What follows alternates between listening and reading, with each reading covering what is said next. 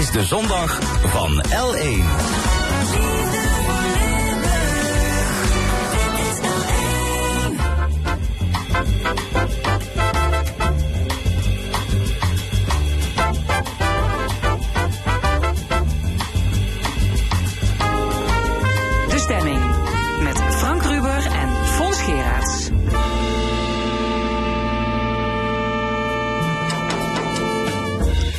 Welkom bij De Stemming, het interview- en discussieprogramma van L1 Radio. Vandaag met de volgende gasten. Fractievoorzitters uit Sittard-Geleen over de komst van 300 asielzoekers naar hun gemeente. Hoogleraar Marijn Molenma schreef een boek over het regionaal beleid vroeger en nu. En onze psychologieanalist Danny Mullenders over de vraag... hoe kom je af van gedachten die je gedrag bepalen? Theatermaakster Nina Elisa Euson gaat een voorstelling maken over Kitty Koti. En ze zoekt medewerking van de bevolking. U hoort het in het tweede uur. Dan ook een column van Regie Kouwmans. Het panel discussieert over de gevaren van TikTok en andere actuele zaken. Tot 1 uur is dit De Stemming. Er komen veel vluchtelingen deze kant op. En het zijn er zoveel dat het hele stelsel in zijn voegen kraakt. 18 Limburgse burgemeesters stuurden deze week een brandbrief naar het kabinet. Ze klagen dat ze de opvang niet kunnen aankunnen en pleiten voor een, ik citeer, doortastende aanpak op landelijk niveau. In Sittard komt een tijdelijke crisisnoodopvang voor maximaal 300 asielzoekers. Een besluit dat hier en daar niet met gejuich is ontvangen. Bij ons de fractievoorzitters Sergio Klein van Lokaal Sittard Geleen Born en Phil Bonen van GOP. Heren, welkom. Dankjewel. Uh, meneer Klein, wat vindt u van de komst van 300 asielzoekers naar uw gemeente? Um, nou, op zich heb ik daar uh, uh, moeite mee hoe het, hoe het proces gegaan is. We zijn natuurlijk veel te laat meegenomen. Um, uh, maar de discussie wel of geen vluchtelingen, ja, dat staat bij ons buiten kijf. Omdat we, we hebben gewoon een opdracht. Alleen wij zijn van mening, onze opdracht is 450 in heel Zuid-Limburg met 16 gemeentes. En wij vinden 300 van de 450 wel een beetje buitenproportioneel. Nou, dat sluit ook een beetje aan, denk ik, op de brief van de burgemeesters. U vindt 300 wat veel van het goede. Nou, ik maar aan zich vindt u het goed dat de gemeente Sittard uh, zich inspant om vluchtelingen onderdak te bieden? Ja, ik vind daar twee dingen van. Een jaar heeft geen zin. Dat is geen crisis oplossen. Daarmee uh, voor, zorg je ervoor dat over een jaar weer crisis is. Dus, dus wij zijn voor langdurige opvang. Maar wel gewoon ons aandeel. En ons aandeel zou kunnen zijn Sittard, uh, Heerlen, uh, en Maastricht 75. Dat is, dat is de helft. En de andere 13 gemeenten is de andere helft. Dan heb je een mooie verdeling. Phil Bonen, fractievoorzitter van GOP, ook een lokale partij. Ja, er komt een dringend verzoek van de veiligheidsregio Zuid-Limburg. Wat vindt u ervan dat de burgemeester meteen actie heeft ondernomen? Wij steunen dat. Um, de burgemeester heeft ook heel duidelijk aangegeven... het is nu zelf iets doen. Uh, zelf die oproep omarmen, zeg maar. Uh, zodat we dingen fatsoenlijk kunnen regelen. Kijk, we snappen alle zorgen die er zijn. Zorgen bij de mensen in de omgeving, snap, uh, de, de ondernemers. Dat snappen we, maar als je niks doet... dan loop je het risico dat er binnenkort uh, letterlijk bussen uit de Apel deze kant op gestuurd worden. En dan moet je weer een sporthal gaan leegmaken of dat soort dingen. Dat is allemaal paniekvoetbal dan. En nu kun je het rustig, goed inrichten... zodat ook aan die zorgen zoveel mogelijk tegemoet gekomen kan worden. Dus in die zin snappen we het... Los van wat juridische uh, discussies over bevoegdheden. Ja, op 9 mei heeft de burgemeester persoonlijk dit besluit genomen. En een dag later heeft hij de gemeenteraad geïnformeerd. Er zijn fracties die dat onacceptabel vinden. Ja, dat begrijp ik ook wel. Uh, het is een, uh, ik heb me er vervolgens in proberen te verdiepen. Die, die bevoegdheden, dat is enorm complex, onduidelijk. Uh, de ene hoogleraar zegt dat, de ander zegt dat. Dus iedereen neigt wel naar, ja, de vraag is of de Ja, er is gehakkeld over de vraag of de burgemeester, of de burgemeester bevoegd, is. En daar zit een mening over verdeeld. Ja. Hoogleraren, de, de VNG, de Raad van Iedereen State. denkt er wat anders over, ja, precies. Niemand die het weet. Nee, en het is opvallend dat andere gemeentes eerder dit besluit hebben genomen... en dat daar kennelijk geen enkele gemeenteraad is geweest die die vraag heeft gesteld. Dus dat is ook goed dat die vraag is ja, gesteld. Maar je had natuurlijk voor alle zekerheid kunnen zeggen... ik vraag het aan de gemeenteraad. Ja, en dat, dat, is had, en dat hadden we ook best. Dat, had, dat was ook de chicere manier geweest, denk ik. Waarom uh, heeft hij dat niet gedaan? Nou, de, de, burgemeester heeft gemeend, net zoals alle burgemeesters voor hem, dat hij bevoegd was. De VNG zegt ook, de burgemeester is bevoegd. Dus we snappen dat ook wel. Um, en ik snap ook dat hij heeft willen handelen. Uh, daarom zeggen wij nu ook, laten we dat voor het geval dat straks een keer blijkt dat de burgemeester niet bevoegd, laten we dat repareren. Uh, en van de andere kant zeg ik ook, uh, dit was actie ondernemen. En als je dan, uh, tuurlijk was het goed geweest om te informeren. Maar andere partijen vragen ook, ja, bij wijze van spreken, we moeten nog een referendum gaan houden. Ja, daar is wat ons betreft nu geen tijd ja, voor. Burgemeester Vrijen zegt, we nemen onze maatschappelijke verantwoordelijkheid. Dat valt te prijzen?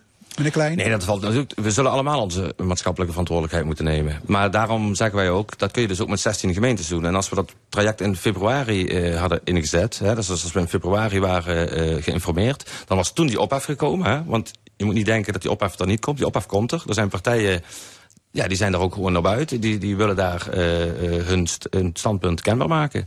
Dus dat had je wel, denk ik, wel moeten aanvoelen. En dan hadden we in februari dat al uh, allemaal kunnen Ja, oké, okay, maar aan de andere kant de spreidingswet zit er aan ja, te komen. Hè, als Eerste en Tweede Kamer akkoord gaan. En dan wordt de asielopvang gelijkelijk verdeeld over alle gemeenten. Ja. Daar zijn we verlost van dit soort hakketak en... Nou, dat is natuurlijk de vraag. Hè? De, de, de spreidingswet gaat uh, belonen als je mensen opneemt en uh, dwingen als je dat niet doet. Maar we moeten ook een beetje van het beeld af alsof Sittard Geleen nu alles doet en andere gemeentes niks doen. Dat is natuurlijk ook niet zo. Sittard Geleen heeft geen vast asielzoekerscentrum. Terwijl Beekdalen dat wel heeft, Maastricht. En er zijn andere gemeentes die dat hebben. Dus je kunt niet zo zeggen... Dus het zou eens tijd worden, zegt u? Ja, en de hele raad heeft nog niet zo lang geleden in december ook gezegd... nou, wij vinden dat er wel eens onderzoek gedaan mag worden... of er in onze gemeente niet ook zoiets moet komen. Ja, het, gaat, het zit dat geleen om tijdelijke crisisnoodopvang, zo heet dat, hè? Tijdelijke crisisnoodopvang. Er worden zeven, nee, 76 woonunits geplaatst vlakbij het Fortuna Stadion. Naast de brandweerkazerne op een bedrijventerrein. Is daar nog bezwaar tegen gemaakt? Meneer Klein. Niet dat bij mij bekend is, maar ik weet ook niet of, of dat verder nog zinvol is in dit. Uh, ik weet het niet. Ja, ik begrijp nou, ondernemers ja, wat piepen en er zijn ondernemers, wat omwonenden die wat... wat er, is, er zijn afspraken gemaakt met de, de, eigenaar van de grond, zeg maar. Dus die, die wordt daarvoor vergoed. Dus die heeft daarvoor gekozen. Ik snap heel goed dat de ondernemers, er liggen wat supermarkten, restaurants, hotels... dat, dat die daar wel hun vraagtekens bij zetten. Daar is over gesproken. Het lijkt dat dat tot nu toe uh, wel uh, wat tot rust is gekomen. Ook, ook, sommige fracties in de gemeenteraad zijn kritisch. Met name ja. de VVD. Die hadden het over schurft, TBC. Ja, dat was dat wel. Er waren hele bijzondere uitspraken. Um, ja, je ziet wat in dit debat ook gebeurt, is dat, ja, dat er heel veel bangmakerij is. Uh, mensen hebben zorgen en die moet je ook niet onderschatten. Maar er wordt ook wel, uh, ja, nou, bijna gestookt zou ik willen zeggen door allerlei bangmakerij. Zodat mensen denken, oh jeetje, wat komt er allemaal op ons af? Ja, bovendien, er komt een hek rond dat terrein. 24 uur camerabewaking. Je moet voor 10 uur s'avonds binnen zijn. Er zijn huisregels. Er maar wordt gezorgd voor onderwijs, voor, voor dagbesteding. De autoriteiten zeggen, de veiligheid staat voorop ja, wat kun je meer doen? Nee, en dat is precies waarom we zeggen... het is goed dat je dat nu doet, zelf. Want dan kun je dit allemaal regelen. Het bedrijf dat dat gaat doen, heeft veel ervaring. Heeft het ook op het megalandterrein in Landgraaf gedaan. Maar doet bijvoorbeeld ook uh, de uh, huldiging van uh, Feyenoord, doet dat bedrijf. Dus het is wel een bedrijf dat wel weet hoe met dit bijltje te hakken. Je kunt het nooit uitsluiten, uh, incidenten, maar ook niet in de rest van de gemeente. Ja. Maar en, wat en je kunt doen is... En wie zich gedraagt, die kan rekenen op een enkele reis ter Apel terug. Als je zich niet gedraagt, denk ja. ik. U zegt als ja, precies, wie zich misdraagt bedoel ik. Nou, klopt. Kijk, uh, dat bedrijf heeft inderdaad de, de ervaring. Maar in uh, Megaland was drie maanden en de helft van het aantal mensen. Of, of nog minder zelfs. Um, plus dat nu sinds kort kunnen die bedrijven ook de vluchtelingen niet meer uitkiezen. Hè? Dus we kunnen niet meer zeggen, we willen alleen maar de gezinnen met kinderen. Um, en dat is toch ook richting de bedrijven en de verenigingen wel zo geventileerd. Dus ik ben nog benieuwd hoe men dat toch ook weer gaat communiceren. Het zou toch vreemd zijn dat je als gemeente een soort nee, wensenlijstje kunt indienen nee, van dat... we willen alleen maar de, de, makkelijke gevallen. Dat kan natuurlijk, dat nee. heb ik ook tijdens het debat gezegd. Hè. Dat is een utopie om te denken dat alle gemeentes zomaar gewoon kunnen gaan shoppen en de, de, de goede eruit vissen. Dat is, uh, A is het ook discriminatie en B, uh, dat, als iedere gemeente dat gaat doen, ja, dan werkt dat natuurlijk ja. niet meer. Maar in dit concrete geval, is bekend om welke mensen het gaat? Zijn het alleenstaande of gezinnen gemengd. met kinderen of het jongeren uit veilige landen? het is gemengd. Uh, precies wat meneer Klein zegt. Er was in eerste instantie een beetje het idee... we kunnen een beetje kiezen welke mensen deze kant op komen. Uh, daar lijkt nu wel uh, vanuit het kabinet een stokje voor gestoken te worden van... ja, wat er komt, dat, dat komt er. dus dat is wel... Dat kan het lastiger maken. Van de andere kant ben ik het helemaal met u eens als u zegt... ja, we kunnen moeten we dan die wensen wel en die niet? Uh, volgens mij is net de opdracht om alle mensen te ontvangen. Waarbij we ook een verschil moeten maken. Heel veel van de problematiek die bijvoorbeeld in Ter Apel speelt... speelt ook voor uitgeprocedeerde uh, mensen... die nog niet uitgezet kunnen worden of waar men niet terug kan. Ja, en die gedragen zich toch anders dan mensen die hier komen... en die nog heel veel te winnen hebben, namelijk een verblijf hier. Uh, dus ik denk dat dat ook wel mee zal spelen uh, in de beperking van de overlast die er zal zijn. En dit is voor één jaar. Max juni 2024 wordt een heleboel afgebroken. Is ja. dat zoveel heisa Zonder van het geld ook, hè?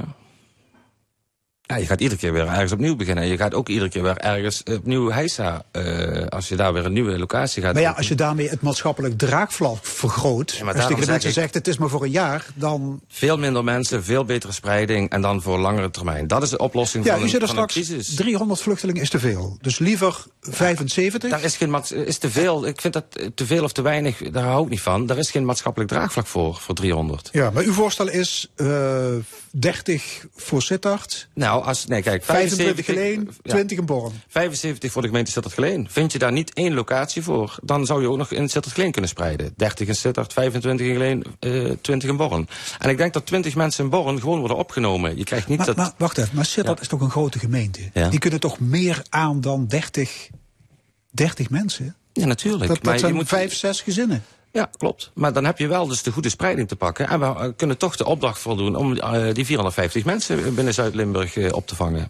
Daar zijn wij het overigens niet mee eens, uh, met die spreiding. Ik snap dat best als je voor mensen die hier langere tijd gaan verblijven... dus die bijvoorbeeld al een status hebben... dan snap ik dat je moet spreiden om er ook wat meer te mengen. Maar dit gaat over crisisopvang. Dus dat zijn mensen die soms enkele dagen of weken... en dan gaan ze weer... Uh, dus die gaan ook niet opgenomen worden in die korte tijd. En daarbij, als je het gaat spreiden wordt het nog lastiger om al die zorgen weg te nemen. Want nu heb je een terrein waar al camera's staan, wat overzichtelijk is... waar je op één locatie onderwijs kunt bieden of wat dan ook. Als je dat gaat verspreiden, wordt het nog lastiger, nog onoverzichtelijker. Dat is al helemaal niet te behappen. Dus wij zeggen voor de noodopvang één locatie, maar ik begrijp best... voor de definitieve opvang, ja, dat zou beter zijn als je gaat spreiden. Deze week hebben 18 Limburgse burgemeesters een brandbrief gestuurd naar het kabinet. Met als boodschap, ja, we kunnen de opvang niet meer aan. De aanpak van het vluchtelingenprobleem is niet langer houdbaar. Kabinet, doe wat. Wat vindt u van die noodkreet? Ik begrijp die noodkreet heel erg goed. Um, dit is niet iets van gisteren of van eergisteren of iets wat we niet hebben zien aankomen. Uh, nog niet zo lang geleden hebben in Ter Apel mensen op uh, buiten gelegen. Dat is alweer een jaar geleden is voor een lokale partij natuurlijk makkelijk te zeggen... maar het kabinet ook, zou ik zeggen, op dit onderwerp... doet niet uh, wat van hen uh, verwacht wordt, namelijk oplossingen. Het is alleen maar pleisters plakken. En waar dit kabinet goed in is, is alles bij de gemeentes over de schutting gooien... en zeggen, lossen jullie het maar op. Dat gebeurt hier ook. Dus ik snap die brandbrief... Anderzijds is het een probleem, er staan de kranten vol van, problemen bij IND, bij de COA's, bij de vreemdelingenpolitie. Overal zijn te weinig mensen, capaciteit. En dat zal opgelost moeten worden. Uh, want alleen maar roepen, we moeten minder mensen binnenkrijgen... dat is een mooi ja. plan. Uh, maar met alle internationale wetgeving gaat hem dat voorlopig niet worden. De burgemeesters zijn bang voor een ontwrichting van de samenleving. Dat zijn wel grote woorden. Ja, de polarisatie is wel, uh, vind ik ook, ja, maar dat vind ik ook wel echt een probleem. Als ik kijk, uh, kijk de burgemeester uh, hebben dat nu gezegd... maar als de ik noem maar een voorbeeldje, de PVV dat in de gemeenteraad zegt... dan hoor je meteen een hoop geroezemoes en een hoop ophef. Dus um, ik denk dat we moeten stoppen met uh, dat de, linkerkant zal minder in paniek moeten raken. De rechterkant moet niet gaan, of, uh, gaan generaliseren, hè, want dat, dat wekt die agressie op. En het bestuur, de bestuurders moeten zich realiseren dat ze, dat ze open kaart moeten spelen in deze. Dat, we, dat, we, uh, dat, dat ieder geluid gehoord wordt. Want sluit je nou uit dat rechtse partijen niet mogen spreken in de raad... Hè, zoals dat nu toch min of meer een beetje gebeurt... want de inhoudelijke discussie wil men niet... Uh, dan voelen die mensen zich weer uh, gepiepeld... en dan krijg, komt dat weer in opstand. Uh, uh, ja, dus, dus je bent op dit moment zijn we meer bezig met polariseren dan de problemen op te lossen. En daar heb ik wel, uh, ja, daar heb ik wel maar, moeite maar het probleem is dat het kabinet de instroom natuurlijk ook niet in de hand heeft, hè? Nee. Als je kijkt naar Afghanistan, Syrië, Jemen, nee, Soudaan, maar... Oekraïne, daar is het oorlog. Kijk, ik denk, tuurlijk, maar de oorlogsgebieden is ook denk ik het probleem niet. Waar het zich om gaat is, en je, je mag het bijna niet uitspreken... maar er zijn natuurlijk kansloze vluchtelingen uit de veilige landen... ik noem het even gewoon heel uitgebreid dat die jaren kunnen procederen. Daar moet natuurlijk iets aan gebeuren. Daar kun je als kabinet iets aan doen. Um, uh, ik denk dat je die vluchtelingen uit die landen wat u net opnoemt... ik denk juist dat daar dan weer de ruimte voor komt... en dat daar ook best draagvlak voor te vinden is. Dus die andere groep zou je wat strenger eerder moeten ja, je moet gewoon selecteren. duidelijk zijn en uh, duidelijke regelgeving maken. En, en... Meneer Bonen, u bent jurist van origine. Ja, nee, absoluut. En, en regelgeving, daar, daar, dat steun ik ook. Maar ik denk dat het voor een deel niet aan de regelgeving ligt... maar zoals heel vaak aan de uitvoering in de praktijk. En daar stokt het. Ja, het is een puinhoop met de apel. Het is één puinhoop, uh, procedures En het aantal asielzoekers zal dit jaar nog flink oplopen. Absoluut. Uh, nu is de afgelopen 10, 15 jaar heel veel opvangcapaciteit afgeschaald. Is um, de politiek deze crisis ook niet deels zelf schuld? Zeker. Zeker. Um, er wordt dus inderdaad gekozen, oh ja, het gaat even minder, gelijk, alles dicht. Uh, capaciteit die weggaat, kwaliteit die weggaat. Hè. Mensen die daar uh, met heel veel plezier uh, werken en kennis hebben... ja, die worden op straat gezet, die gaan wat anders doen. En dan is het niet zo van, oh, we hebben het nu weer nodig... dat die mensen allemaal denken, oh, dan, dan kom ik weer terug. En dat is dat beleid wat veel constanter moet zijn. Ook als het even wat minder is. Laten we hopen dat dat nog een keer gaat gebeuren. Houd dan capaciteit uh, achter de hand, um, zodat je kunt opschalen meteen als het nodig is. Ja. Al vrees ik dat uh, rustigere tijden er de komende tijd niet meer in zitten. Ik las deze week een interview met Job Cohen, de oud-staatssecretaris van Justitie. Hij zegt, breng de IND op orde en ook de COA's en de rechterlijke macht. Ontsla geen mensen bij een kleinere instroom.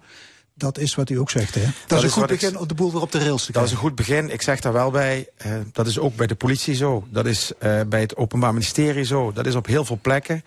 Ik denk dat nu begint te knellen dat we heel lang, jaren en jaren lang... Uh, hebben afgeschaald op het moment dat het even niet nodig was. Op allerlei gebieden. En dit is er één van. 10 juni is er een open dag bij die opvanglocatie. Het zit dat geleen. Gaan jullie kijken? Ja, er komt volgens mij ook nog een burgerbijeenkomst. Hè? Die is nu, uh, volgens mij is dat woensdag. En nog een extra raadsvergadering? En nog een uh, extra raadsvergadering. Ja, daar, uh, er moet eerst nog een raadsvoorstel worden ingediend. Hè? Anders kan daar nog geen extra raadsvergadering voor komen. maar goed, ik heb begrepen dat er juridisch wordt gekeken wat wel en niet kan over dat mandaat. maar goed, de andere partijen hebben, moeten wel een gelijk speelveld krijgen. En willen dus ook dat juridisch onderzoeken. dus zolang er niks op tafel ligt, kunnen we daar moeilijk wat over zeggen. Hartelijk dank. Fractievoorzitters Sergio Klein van Lokaal Sittard Geleen Borren en Phil Bonen van GOP. Dank Graag gedaan. Graag gedaan. Dit is L1 met de stemming. We zijn er tot 1 uur. Nogal wat mensen zijn kritisch op zichzelf, vaak te kritisch. En dat is niet goed voor je eigen welbevinden. Psycholo Psychologieanalist Danny Mullenders legt het zo meteen uit. Maar eerst muziek. The Chicks, Long Time Gone.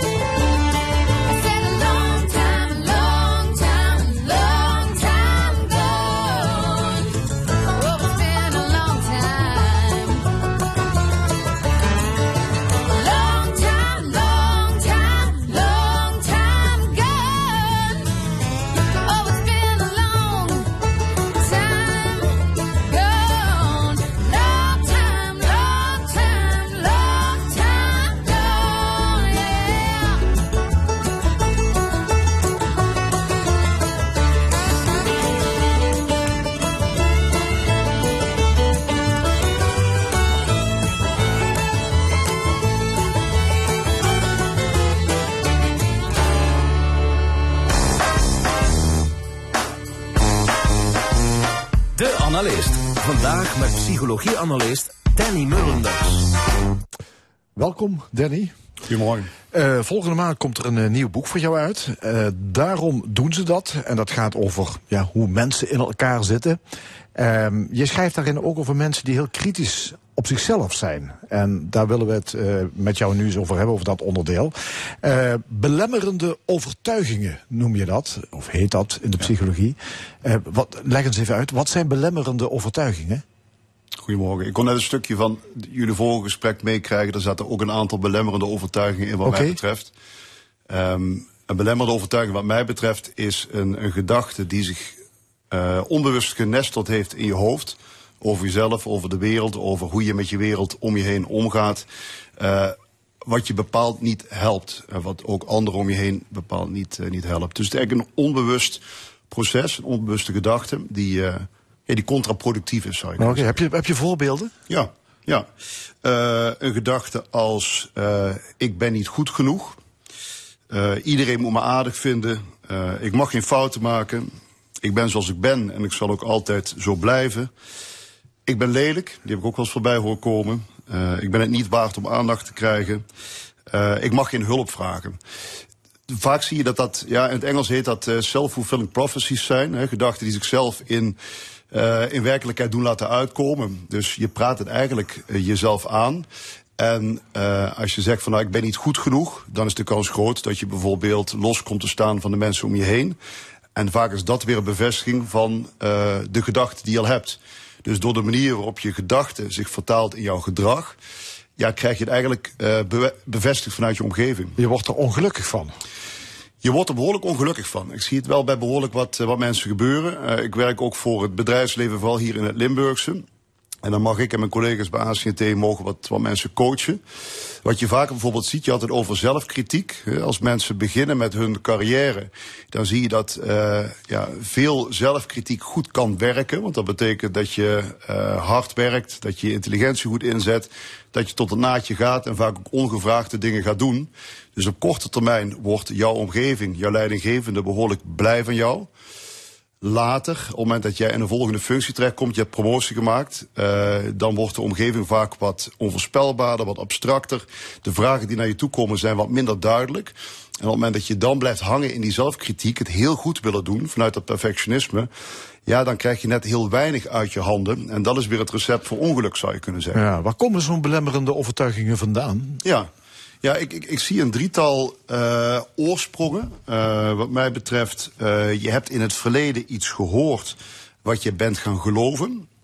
je hebt iets gezien wat je gevormd heeft. Of je hebt echt een hele specifieke gebeurtenis meegemaakt. Um, in extreme ja, heeft dat ook wel met trauma te maken. Misschien moeten we daar niet te diep op ingaan. Daar kan iedereen zich hopelijk iets bij voorstellen. En heel vervelend iets wat ja, bepaalde gedachten heeft opgeroepen in dat moment ja, die bij je gaan vasthouden in het hier en nu. Ja, maar het kan nog gewoon een opmerking zijn die iemand ooit gemaakt heeft, bijvoorbeeld. Dat je daarin bent gaan geloven. Precies, in een hele kwetsbare periode kan het gebeuren. Zeker tussen je nulde en je zevende valt me ja. op. En dat zeggen de boeken ook wel. Zijn we behoorlijk uh, kwetsbaar en ontvankelijk voor hetgene wat de omgeving richting ons doet. Ja, als je, Dan, als je dan behoorlijk kritiek hebt gekregen op, op je eigen, op jezelf, dan kan het later tot uiting komen. Ja, wat, wat, wat voor soort ja, mensen met belemmerende uh, overtuigingen lopen er rond. Wat, ja. wat, voor soort hebben we? Ja, ja je, je zou in types kunnen denken. Het is wat kool de bocht. Maar je kunt tuurlijk. ze wel een beetje in een hokje zetten. Ik zie er een vijftal voorbij komen. Ik zie de, de, noem het de fanatieke perfectionist. Hè. Type mensen legt zichzelf vooral een onhaalbare eis op. Hè. Ze mogen geen fout maken. Alles moet 100% in orde zijn. Um, als ik een fout maak, stel ik niks voor. Kan bijvoorbeeld de gedachte zijn. Dan heb je de liefdesjunk, zoals ik hem wel eens noem. Dus de iedereen, liefdesjunk? Ja, iedereen, iedereen moet jou aardig vinden. Oh. Hè? Dus elk contact dat zou dan respectvol, harmonieus moeten verlopen. Uh, een gedachte daarbij kan zijn, uh, als ik de ander aanspreek op zijn gedrag, dan vindt hij me niet meer aardig. Of als ik mijn gevoelens uit, dan word ik afgewezen. En ja, je bent dus heel erg, uh, ja, bijna verslaafd aan het contact dat goed loopt. Uh, dan heb je er nog één, die heb ik de lage frustratietolerantie genoemd. Dus dat zijn mensen die graag, uh, of die snel zou kunnen zeggen, emotioneel in een soort van mineur terechtkomen. Omdat ze denken dat iets te zwaar of te moeilijk voor ze is. Um, ik kan de verantwoordelijkheid voor dat en dat project bijvoorbeeld niet, uh, niet aan. Dan hebben we het tweetal over, de, de rampdenker. Dus dat is iemand die van de mug een olifant maakt. Misschien kennen jullie Ja. ze ook uh, in jullie directe omgeving. Ja, mensen die al- overal altijd problemen zien. Ja, precies. Echt letterlijk van de mug een olifant maken. En van iets ogenschijnlijk kleins, waarvan jij denkt, ja, er is niks aan de hand, kan een ander eh, flink van de wap zijn. En dat, eh, dat kan heel ingewikkeld zijn. En dan heb je nog eh, de eiser aan de wereld. Eh, en dat zijn mensen met eh, ja, behoorlijk strikte normen eh, richting zichzelf en ook wel richting anderen. Dus die hebben hele duidelijke ideeën bijvoorbeeld over hoe je zou moeten gedragen. Ik hoor wel eens vaker terug dat iemand in een coaching zegt... zo hoor je niet met personeel om te gaan. Een, een norm richting een leidinggevende bijvoorbeeld. Ja, en nou ja, mensen die ja, dit, dit gedrag vertonen, ja, je kunt je voorstellen dat dat behoorlijk inderdaad hun belemmert in hun werk, in hun, ja, ook in hun persoonlijke leven. Ehm, ja, kun je er van afkomen als zo'n gedachte, stel het, het overkomt jou acuut. Hè? Je denkt opeens van, eh, nou ja, ik, ik zie dit helemaal niet zitten, want eh, ik kan niks. Eh, weet ik veel. Die gedachte komt acuut bij je binnen. Kun je daar iets mee doen? Ja, je zou het kunnen opknippen in, noem het een, een, een korte en een lange termijn. Dus op korte termijn kan je het oplossen sowieso. Ook op de lange termijn door te beginnen met je bewust te zijn van het feit dat je die gedachte hebt. Ja, dat is, dat is, dat is best ingewikkeld natuurlijk. En dat is een ingewikkelde. En vaak is de trigger de omgeving. Hè? Dus iemand zegt tegen jou van... Poh, het valt me op dat je wel heel erg zwart kijkt in die en die situatie. Dat is vaak het eh, beginpunt. Eh, ja, en dan ga je kijken... wat is dan precies die gedachte? En op welke momenten helpt die me niet? Eh, op de hele korte termijn zou je kunnen zeggen... als je door hebt bij jezelf, diep ademhalen, ontspannen... en ja, rust nemen in het hier en nu heet dat dan mooi. Hè? Dus je bewust zijn van jezelf en weten dat je ruimte hebt... om anders met je gedachten te reageren. Wat iets doet met je gedrag. Oké, maar dat is acuut. Maar van de andere kant, het zit gewoon blijkbaar in je. Dus je hebt daar continu mee te maken. Dus de vraag is, kun je, kun je het blijvend veranderen? Dat je Ja, ja, komt? inderdaad. Nou, en daar zien we een verschil tussen de mensen die inderdaad een soort van tijdelijke gedachte hebben die af en toe opkomt. En mensen die het eigenlijk in hun karakter hebben zitten. De, de perfectionist van nature komt er minder makkelijk vanaf dan degene die af en toe in bepaalde situaties kritisch voor zichzelf is. Ehm, dus sommige mensen leren makkelijker dan anderen. En wat me opvalt is dat eh, er wel trucs en technieken zijn om daar goed mee om te kunnen gaan. Ook als het wat dieper zit. En dan zou je het kunnen hebben over eh, het herkaderen van je gedachten. Of ja, men noemt het ook wel positieve affirmaties. Oké, het herkaderen van je gedachten, hoe doe je dat? Ja, dat klinkt schitterend. Hè? Ja, ja. Eh, nou, op het moment dat je je bewust bent van die belemmerende gedachte, ik ben niet goed genoeg, dan zou een alternatieve gedachte kunnen zijn. Nou, misschien ben ik wat kritisch voor mezelf. Wanneer helpt het me, wanneer helpt het me niet? Dat je een beetje afstand neemt in je hoofd van die gedachte. Kijkt of je daar een andere gedachte naast kan zetten. En dat doet ook iets met hoe je met de realiteit omgaat. Ja. Ehm, Ja, maar, maar iemand die blijkbaar altijd bang is dat hij iets verkeerds doet, wat zou je daar dan als positieve gedachte aan, aan kunnen koppelen? Ja, ja, nou, als voorbeeld, eh, je ziet het wel eens bij, bij presentaties. Hè, dus dat mensen behoorlijk gestrest kunnen raken op het moment dat ze voor een groep moeten staan. Dat weten ze van zichzelf. En als je op dat moment weet dat jouw gedachte jouw realiteit vormt en dat dat de basis is voor dat ongemak, Ja. dan zou je ook kunnen leren ja, anders kijken naar die presentatie. Dus in eh, plaats van te zeggen, ja, het ging de vorige keer mis, het zal nu ook wel misgaan, zou je het meer als experiment kunnen zien en zeggen van, nou, laten we eens kijken wat er gebeurt. Eh, en misschien kan ik een stapje bijzetten ten opzichte van de vorige keer. Dus eigenlijk relativeer je. Ja, Ja. en misschien ook denken, ach, we zien wel wat er van komt. Ja, Ja, en eh, soms kun je doodrelativeren. Hè, dus dan komt er niks uit je handen. Maar er zit zo wat tussen. Hè, tussen dat heel serieus nemen en het eh, ja, bijna argeloos wegrelativeren. Ja, ja. En als je dat wil, dan gebeurt het ook? Is het, Eh, ja, klinkt, bijna te eenvoudig om waar te zijn. Kijk, en dan kom je een beetje bij de Chaka-gedachte van Emil of het boek Ja. The Secret, hebben jullie misschien ook gelezen. Hè? Dus als jij zegt, volgende week heb ik een post voor de deur staan en ik roep dat tien keer, dan is dat zo.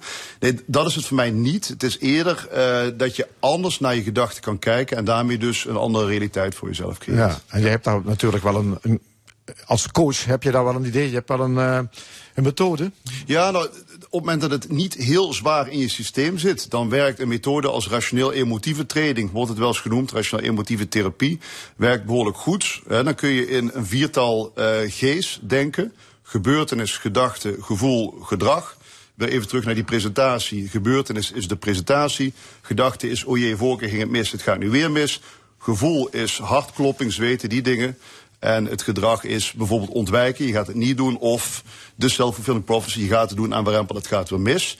Als je op die tweede G van gedachten eh iets anders kan doen, hè, je kan anders naar die presentatie kijken, dan ga je er waarschijnlijk ook anders bij voelen. En dan gaat dat ook beter werken. Ja, het idee is dus vooral om de belemmerende overtuiging om te buigen in een helpende. Exact. Niet meer, niet minder. Ja, zo eenvoudig is dat. Zo klinkt het. Ja. ja. maar goed, daar is er altijd weer wat eh, werk te verzetten. Dankjewel, psychologie-analyst Danny Mullenders. Zometeen de stemming een Groningse hoogleraar die een boek schreef over de recente geschiedenis van het regionaal beleid. Maar hij komt ook met uh, concrete aanbevelingen. Dat zometeen na de Counting Crows.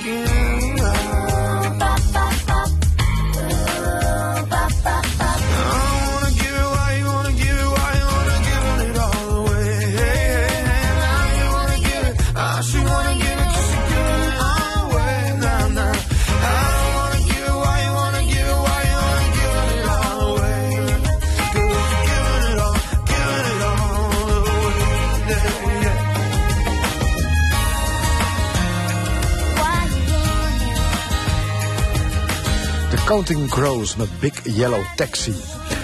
Zwaaien, roepen, springen.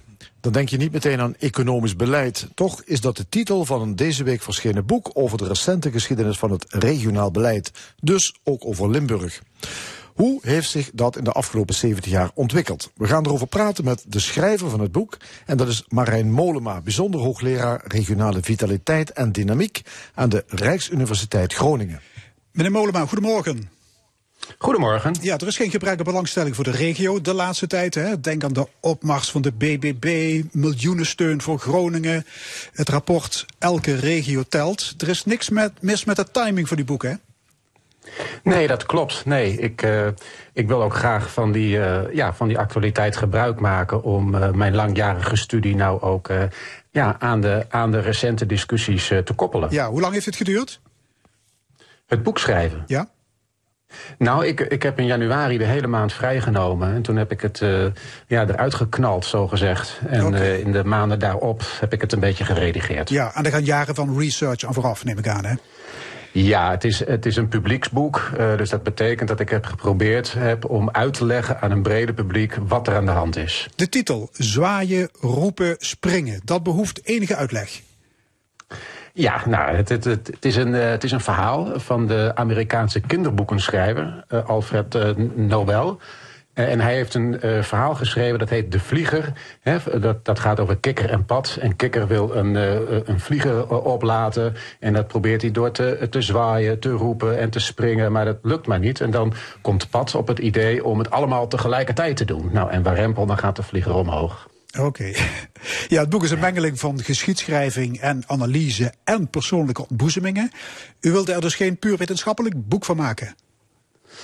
Nee, klopt. Ik denk is, is dat we deze regionale ontwikkeling die veel breder gaan voeren. En dat ja, burgers, uh, betrokken mensen daar, ja, daar, daar ook kennis van nemen van wat er allemaal gebeurd is in de afgelopen 70 jaar. Want dat is een hele hoop. Het is geen nieuwe discussie. Ja, u heeft het ook uh, over de veel besproken de... kloof hè, tussen de Randstad en de rest van Nederland.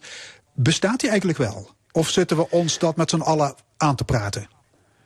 Nou, een beetje dat laatste, denk ik. Het is een, het is een idee en hoe, hoe, uh, hoe langer we over dat idee spreken, hoe, ja, hoe werkelijker dat idee wordt. Maar als je, als je dieper gaat kijken, als je genuanceerder gaat kijken, dan kun je de wereld niet zo simpel indelen in bijvoorbeeld een randstad uh, versus de regio of een stad versus het platteland. Als je, als, je, als je goed gaat kijken, zie je veel meer gelaagdheid en nuance.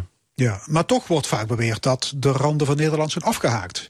He, feit is dat bijvoorbeeld in bepaalde regio's mensen niet meer gaan stemmen of op populistische anti-establishment partijen stemmen, geen vertrouwen hebben in de politiek.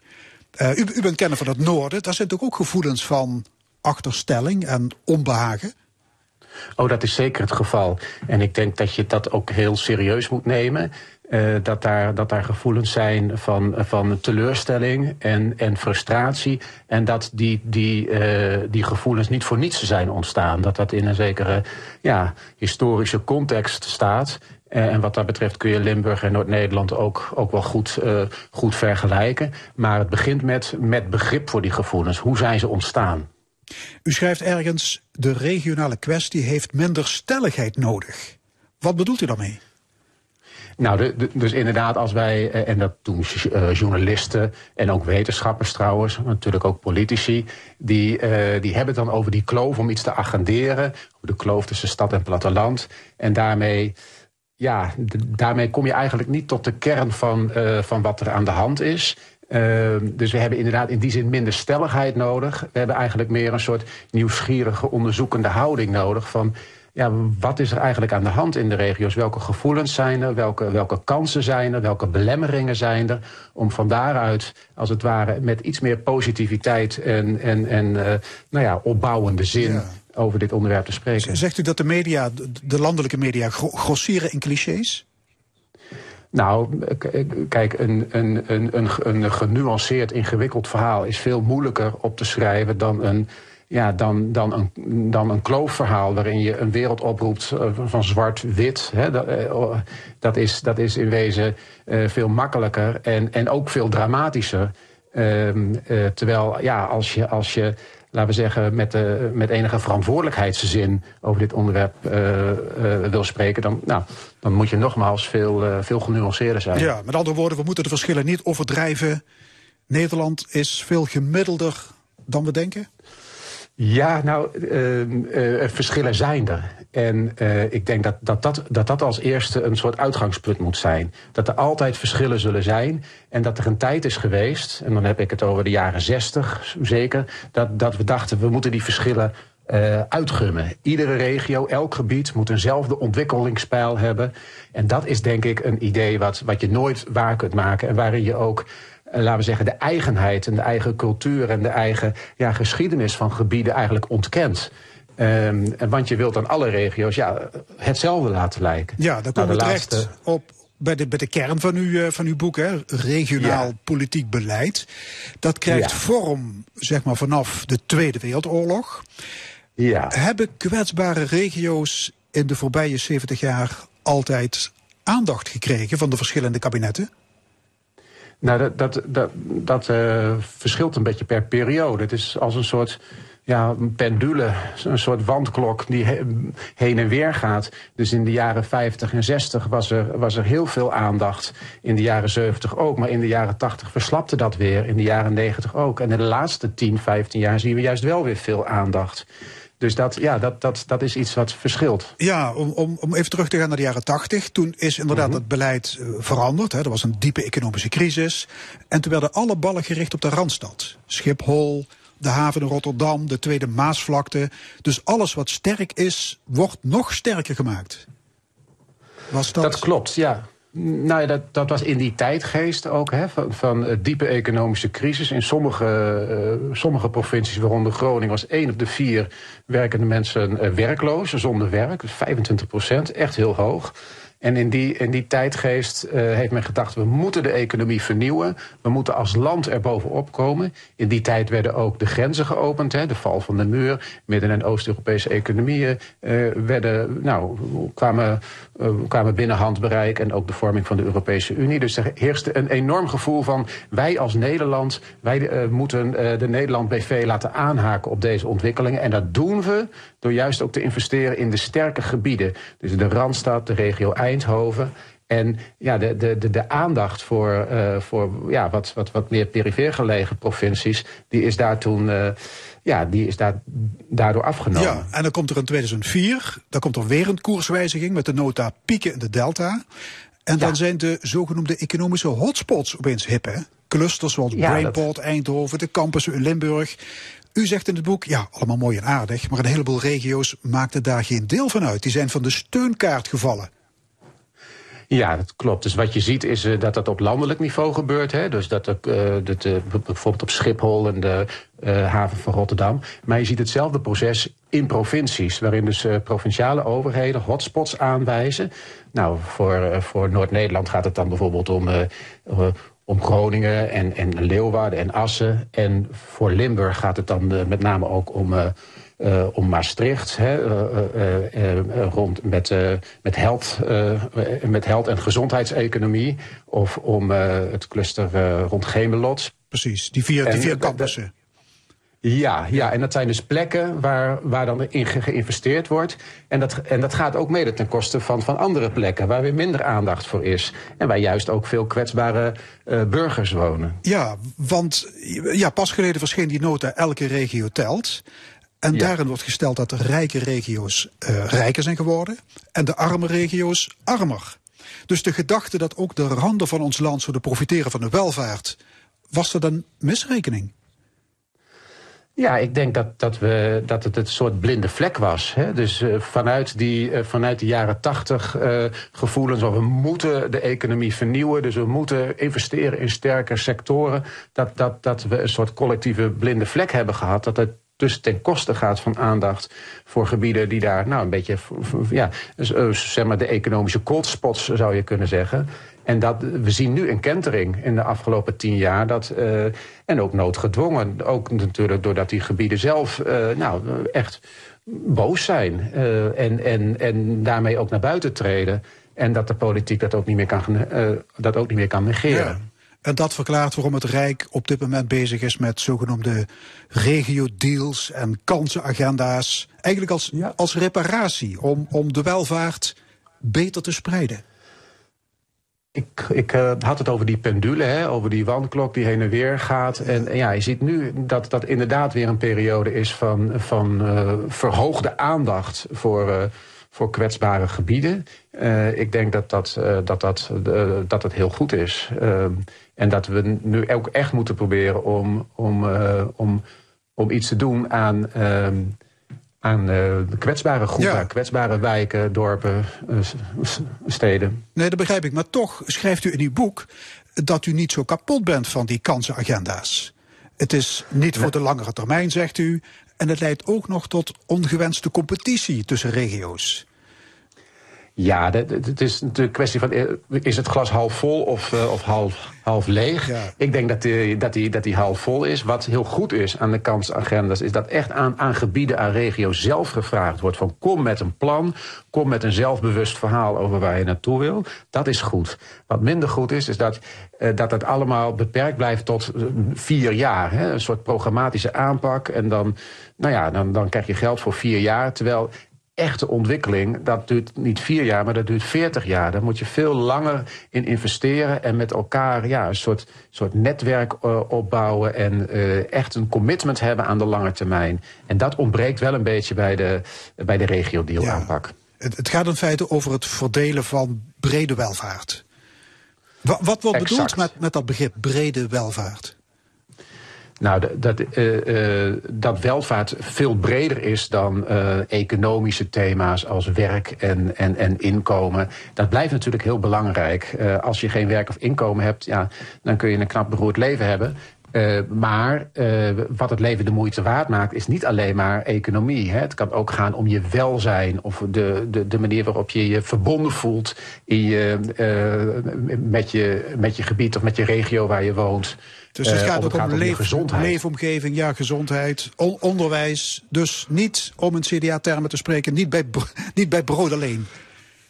Nee, precies. En eh, dat hebben we in de 20e eeuw natuurlijk wel. Was, was, was eh, regionale ontwikkeling primair economische ontwikkeling. Nou, in de 21e eeuw kijken we daar gelukkig wat breder naar. En moet je ook ja, beseffen dat als je jezelf ontwikkel, wil ontwikkelen... of als een gebied zich wil ontwikkelen... begint het in wezen bij, ja, bij sociale ontwikkeling. Bij, bij, bij een goede, goede positieve eh, houding, een, een ondernemende mentaliteit... En dat is niet iets primair economisch, dat ik zou zeggen iets primair sociaals. Ja, brede welvaart is alles wat van waarde is. Dat is de definitie van het, eh, van het CBS.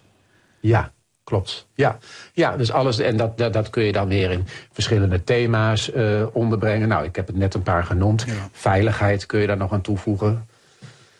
Wonen. Ja, zegt die, die opwaardering, die revitalisering van de regio's, hè, moet je dat eigenlijk centralistisch vanuit Den Haag aansturen of vanuit de regio zelf? Ik denk dat het met het laatste begint, maar de Rijksoverheid, de ministeries in Den Haag hebben zeker een, een verantwoordelijkheid. En toen viel de verbinding met Groningen weg. Is meneer Molema nog aan de lijn of is het definitief afgelopen? Ik vraag het even aan onze technicus. Ja, hij is weggevallen. Nou, helaas, eh, dat was eh, Marijn Molema, bijzonder hoogleraar regionale vitaliteit in Groningen. En eh, we spraken over zijn boek Zwaaien, roepen, springen. En dat boek ligt vanaf woensdag in de winkel. Dan, donderdag, staan ze in het poppodium De Bosuil in Weert. De Fun Loving Criminals. En wij draaien van hun alvast We Have All the Time in the World.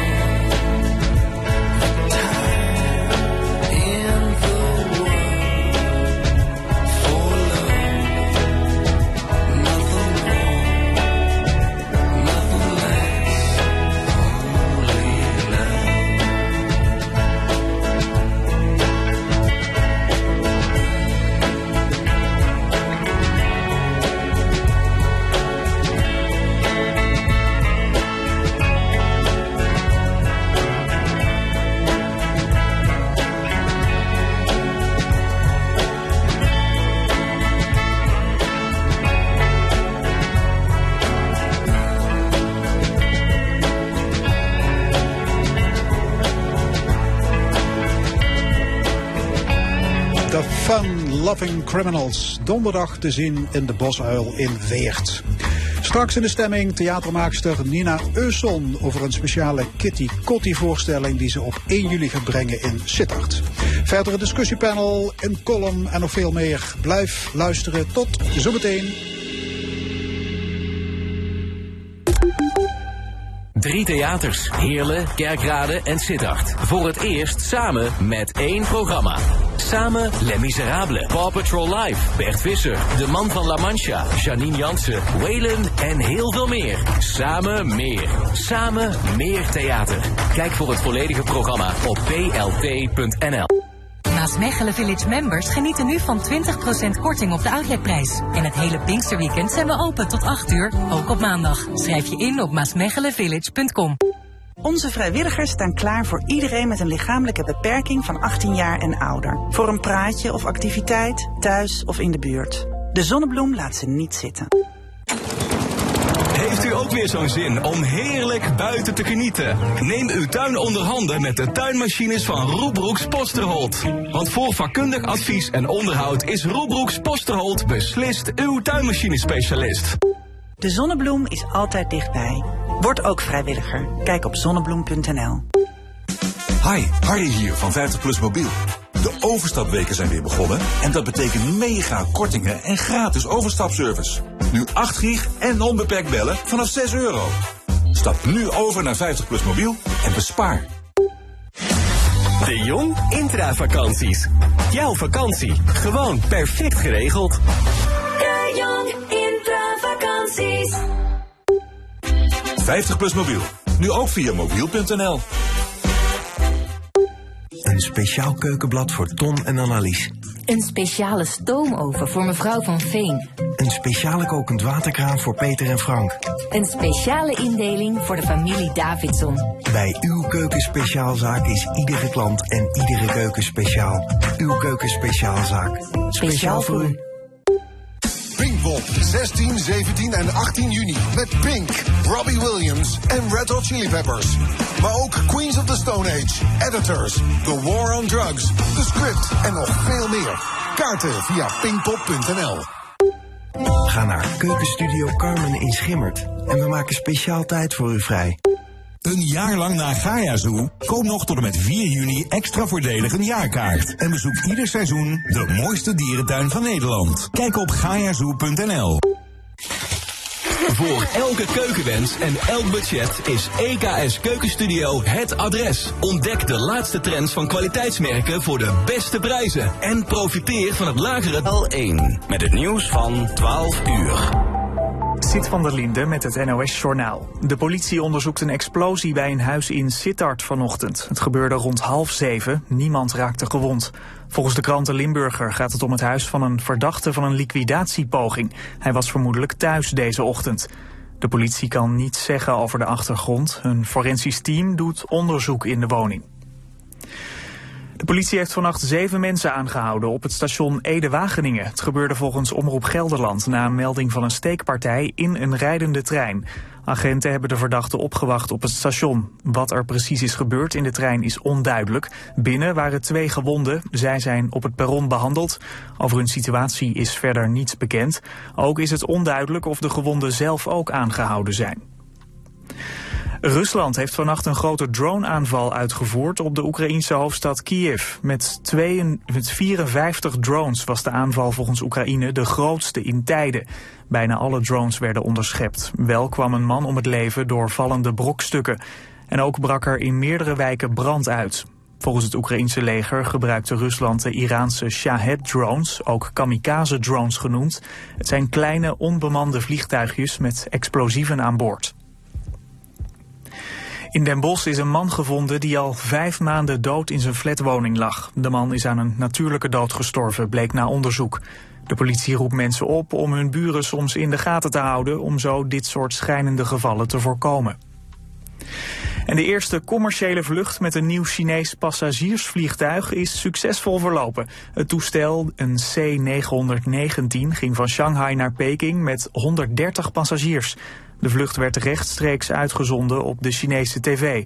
China wil met het nieuwe vliegtuig concurreren met Boeing en Airbus. Het weer droog en zonnig, af en toe wat sluierbewolking. In het midden en zuiden kan het maximaal 24 graden worden. Op de Waddeneilanden en aan de kust maximaal 15 graden. Morgen meer wolken, maar ook zon, wel wat frisser met 13 tot 19 graden. Dit was het NOS Journaal. Kom btw-vrij winkelen tijdens het Pinksterweekend bij Pools Wonen en Slapen. Geen btw op onze banken, stoelen, tafels, boksprings, vloeren, gordijnen. Gewoonweg alles in onze winkel en op pools.nl. Voel je thuis bij Pools in Horst. Eigenlijk kunnen we nog alles makkelijk zelf. De boodschappen, het huishouden. Ja, we kunnen hier nog jaren blijven wonen. Autolift weet hoe graag u in uw huis wilt blijven wonen. Daarom maken we de beste trapliften. Al meer dan 50 jaar. Kiezen ook voor een traplift op maat. Koninklijke Autolift. Kijk op autolift.nl. Winkel btw-vrij tijdens het Pinksterweekend. Bij Pools in Horst en op pools.nl. Oorlog in Oekraïne en Soudaan en zware aardbevingen in Syrië en Turkije. De mensen daar hebben onze hulp keihard nodig. Daarom organiseert Stichting Vluchteling van 12 tot en met 18 juni de Week van de Vluchteling. Wat doe jij? Start of steun een actie op vluchteling.nl. In 1927 maakte Paker Rolf van Avec al heerlijk comfortabele bedden. En dat doen we nog steeds. Boxspring 90 is als beste getest door de Consumentenbond. Omdat hij zo lekker ligt en heel lang meegaat. Kijk snel op avecbedden.nl. De Ampli Energy PO is gekozen product van het jaar 2023. Ervaar het meest natuurlijke geluid. Vrijblijvend uitproberen? Maak een afspraak op beterhoren.nl. Kijk voor de werkwijze en vergoedingen op beterhoren.nl. Boxspring 90 als beste getest en nu met extra voordeel. Ga naar avecbedden.nl. De keuken en badkamer. Ze vormen het hart van je huis.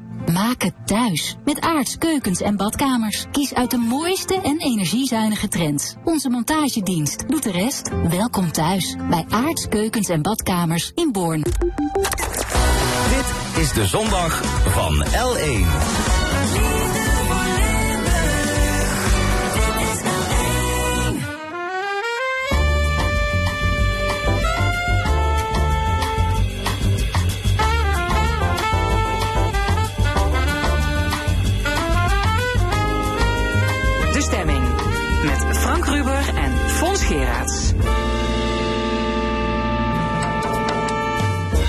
Opnieuw welkom bij De Stemming. En wat hebben we nog allemaal in de tweede uur voor u in petto? Straks het panel. Drie opiniemakers discussiëren over de bestuurscrisis bij het waterschap en andere actuele zaken. Dan ook een column van Rezi Kouwmans, maar eerst een donkere bladzijde uit ons verleden. Op 1 juli wordt in Sittard Geleen stilgestaan bij de afschaffing van de slavernij. Het zal een van de eerste keren zijn dat in Limburg Kitty Kotti wordt gevierd. In andere delen van het land wordt al langer herdacht dat de slavernij in Suriname en de Antillen op die dag is afgeschaft. Dat is nu 150 jaar geleden. Het Limburgse initiatief is genomen door het Laagland Theater samen met theatermaakster Nina Elisa Eusson. En zij is op zoek naar mensen die willen meewerken. Nina Eusson is onze volgende gast. Ja, welkom. Goedemiddag. Goedemiddag, hallo. Dag. Ehm, ja, de jaarlijkse Kitty Coty-herdenking dus, die vindt al eh, heel wat jaren plaats in Amsterdam. En ehm, ja, u vindt dat moet ook in Limburg gaan gebeuren. Waarom eigenlijk? Ja, ik, eh, ik kom zelf uit Limburg en ehm, ik ben gevraagd door het Laagland om een onderzoek te doen, een theatraal onderzoek te doen naar hoeveel mensen wonen er eigenlijk in Sittard met Afro-Caribische, Afro-Surinaamse, eh, Antillianen. eh, wie wonen er nou precies? En vinden zij elkaar? Is er een community?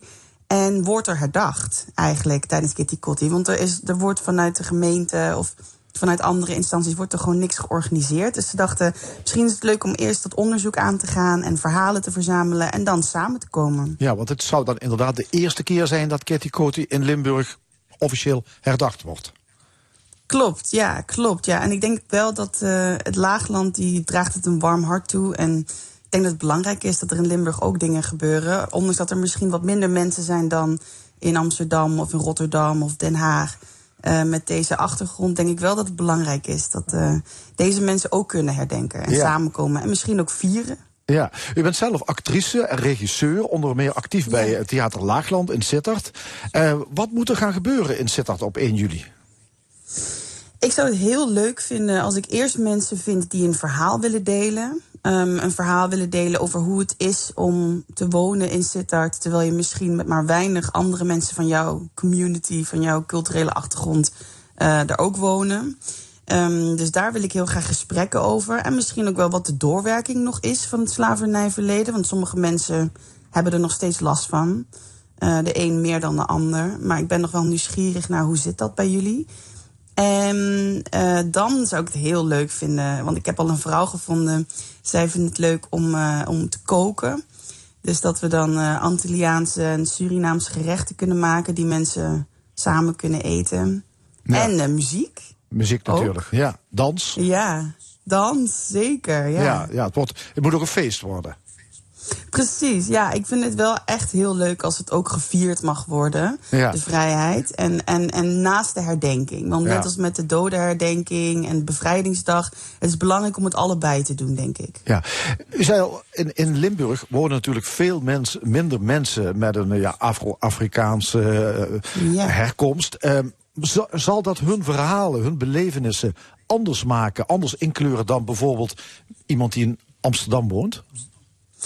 Ik denk het wel. Um, ik heb een vrouw gesproken en ze zei: Ja, ik snap wel waarom mensen weggaan uit Limburg. Omdat je hebt hier niet de juiste afro-kappers. Je hebt hier niet de bepaalde marktjes waar ik bepaalde producten wil kopen. Waar ik zin in heb. Um, er is niet echt een, een soort samenkomstplek. Um, dus ik snap heel goed dat mensen op een gegeven moment denken: Ja, ik ga. Ik, wat, wat heb, ik hier nog te zoeken? Ik vind het fijn om onder de mensen zijn die op mij lijken en met dezelfde dingen struggelen. En, en, en waar ik over kan praten, over hoe het is om Antilliaans te zijn of Surinaams te zijn. En dat kan gewoon heel moeilijk in Sittard en Geleen, want er zijn er gewoon niet zoveel. Ja, u bent zelf geboren, of althans opgegroeid in Roermond. Ik begrijp, Klopt. dochter van een Antilliaanse vader en een Limburgse moeder. Klopt. Ja. ja, klopt. Ja, mijn vader die komt uh, van, Suri uh, van Curaçao. En uh, mijn mama die komt uh, uit Sittard. Ja, wat was dat voor een jeugd?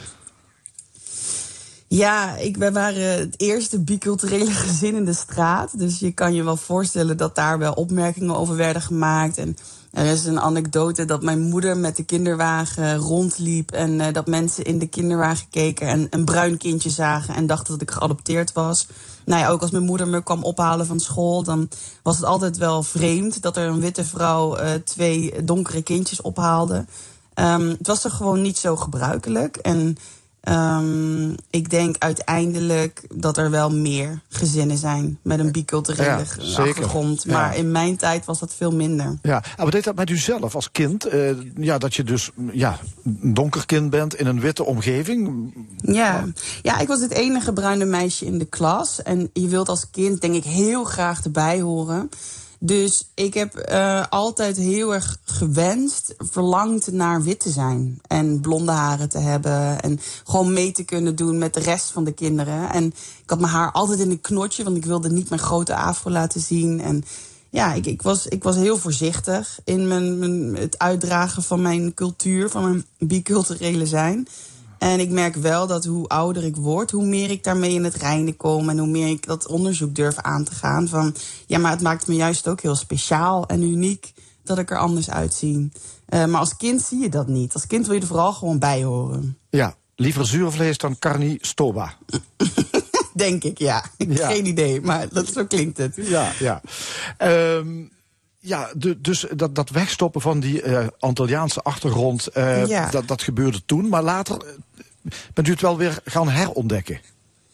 Ja, ik kwam in Amsterdam. Ik ben daar gaan studeren. En daar zag ik opeens veel meer meiden en jongens van mijn, leef, ja, van, ja, van mijn leeftijd met mijn ja, soort van achtergrond. Ook wel Surinaamse mensen. En ik heb daar heel veel gesprekken mee gevoerd. En, en ja, dat heeft mij heel erg geholpen. Het Ja. heeft mij heel erg geholpen om mijn identiteit te accepteren en steeds meer daarin te kunnen gaan staan, zeg maar. Ja, maar ik kan me ook Want, eh, voorstellen, in komt, er een, aantal, een, een half Antilliaans meisje in Amsterdam en die spreekt met een Limburgse tongval.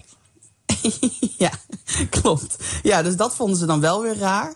Eh, dat heb ik ook best wel snel afgeleerd. Want ik wilde ook heel graag naar de toneelschool. En ik dacht, oh nee, dan mag ik niet met een Limburgs accent daar staan.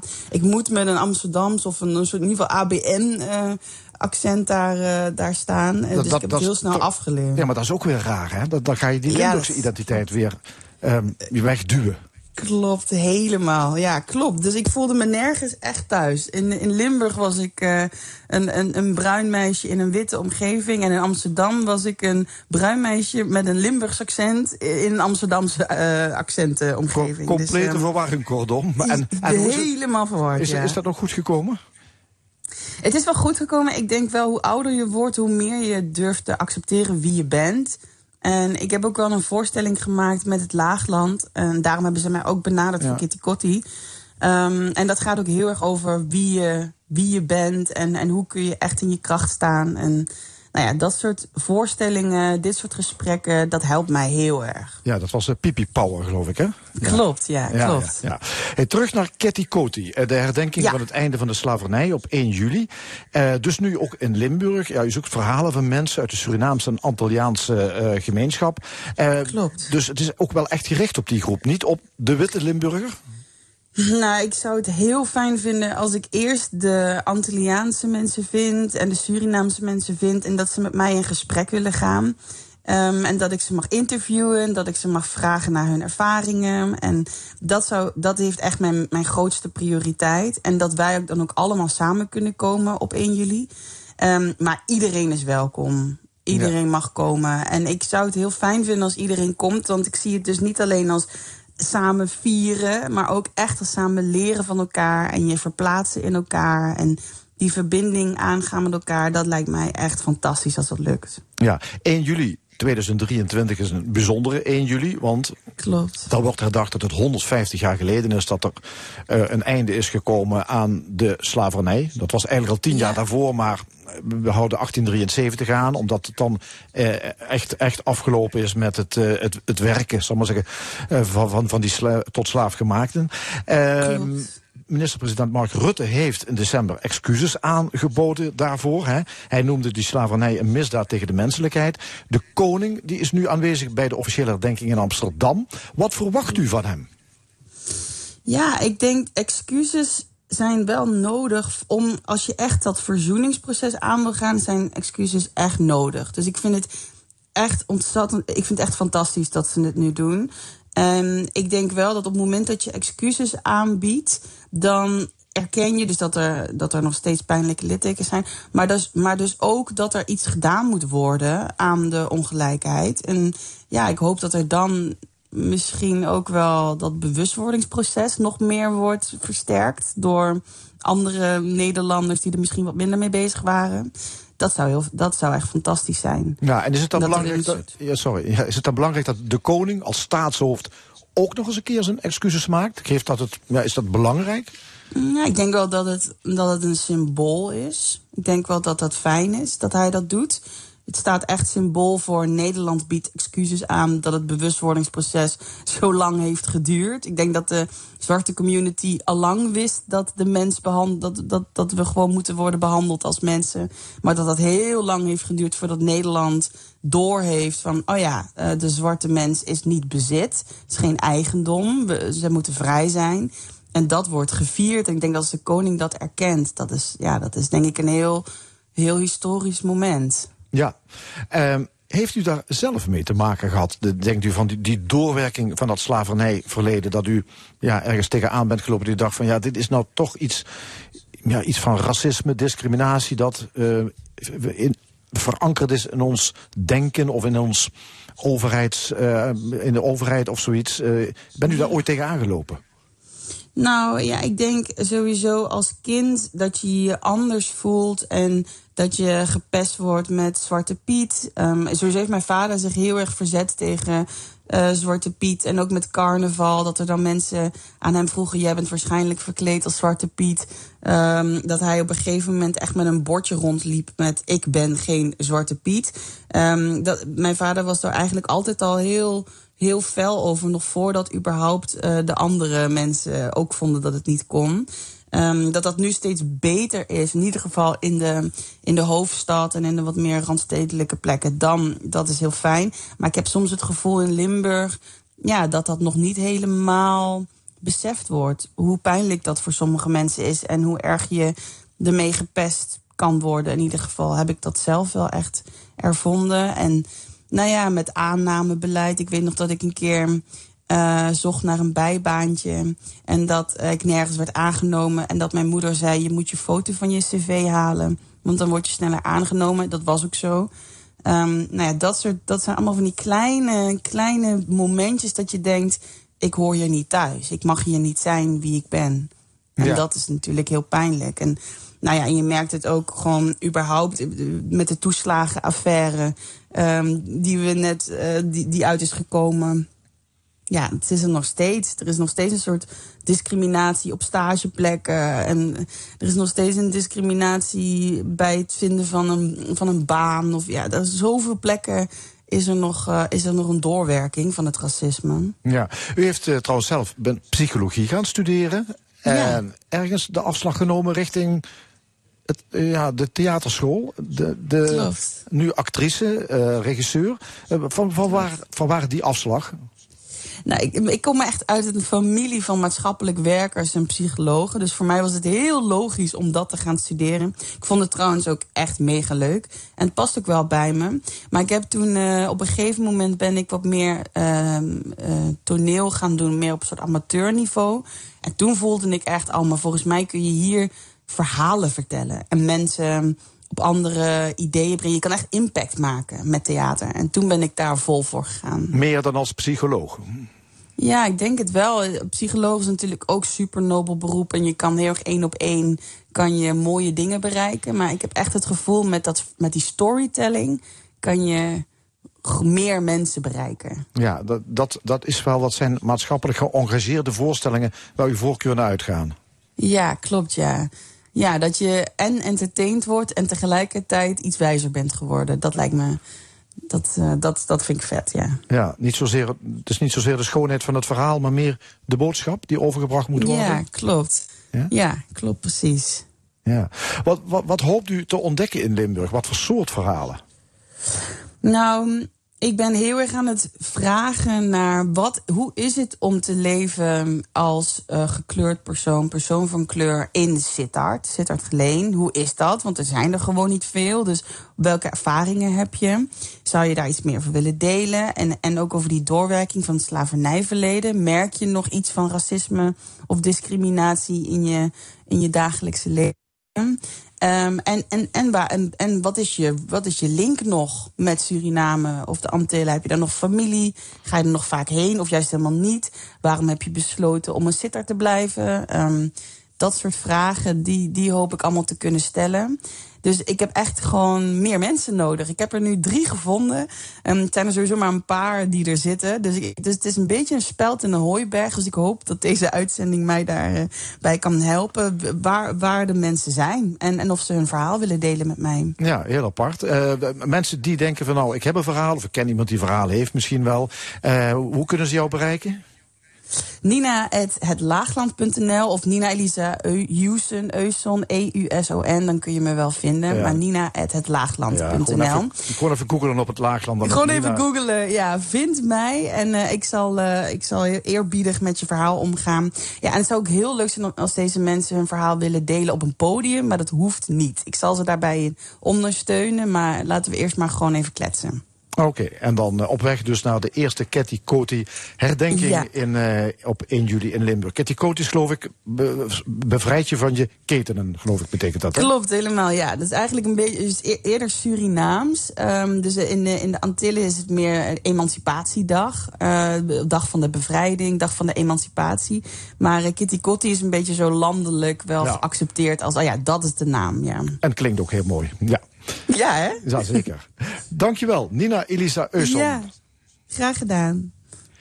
Zometeen naar de stemming. De column van Rezi Koumans over achteruit. We laten ons verrassen. Eerst muziek. Mick Jagger. Don't call me up.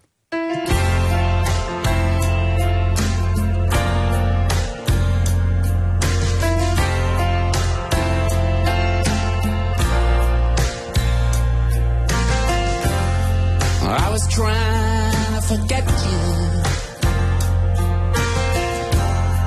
but you won't tell me how. Lately I'm finding it tricky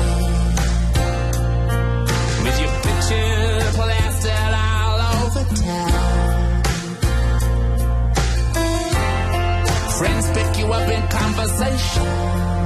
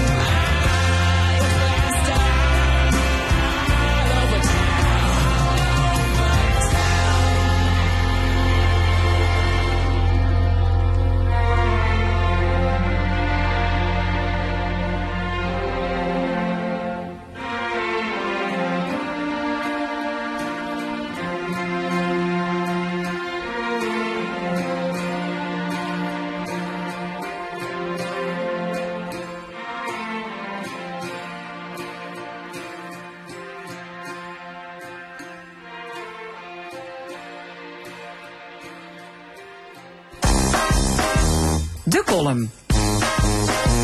Vandaag met Rezi Kouwmans.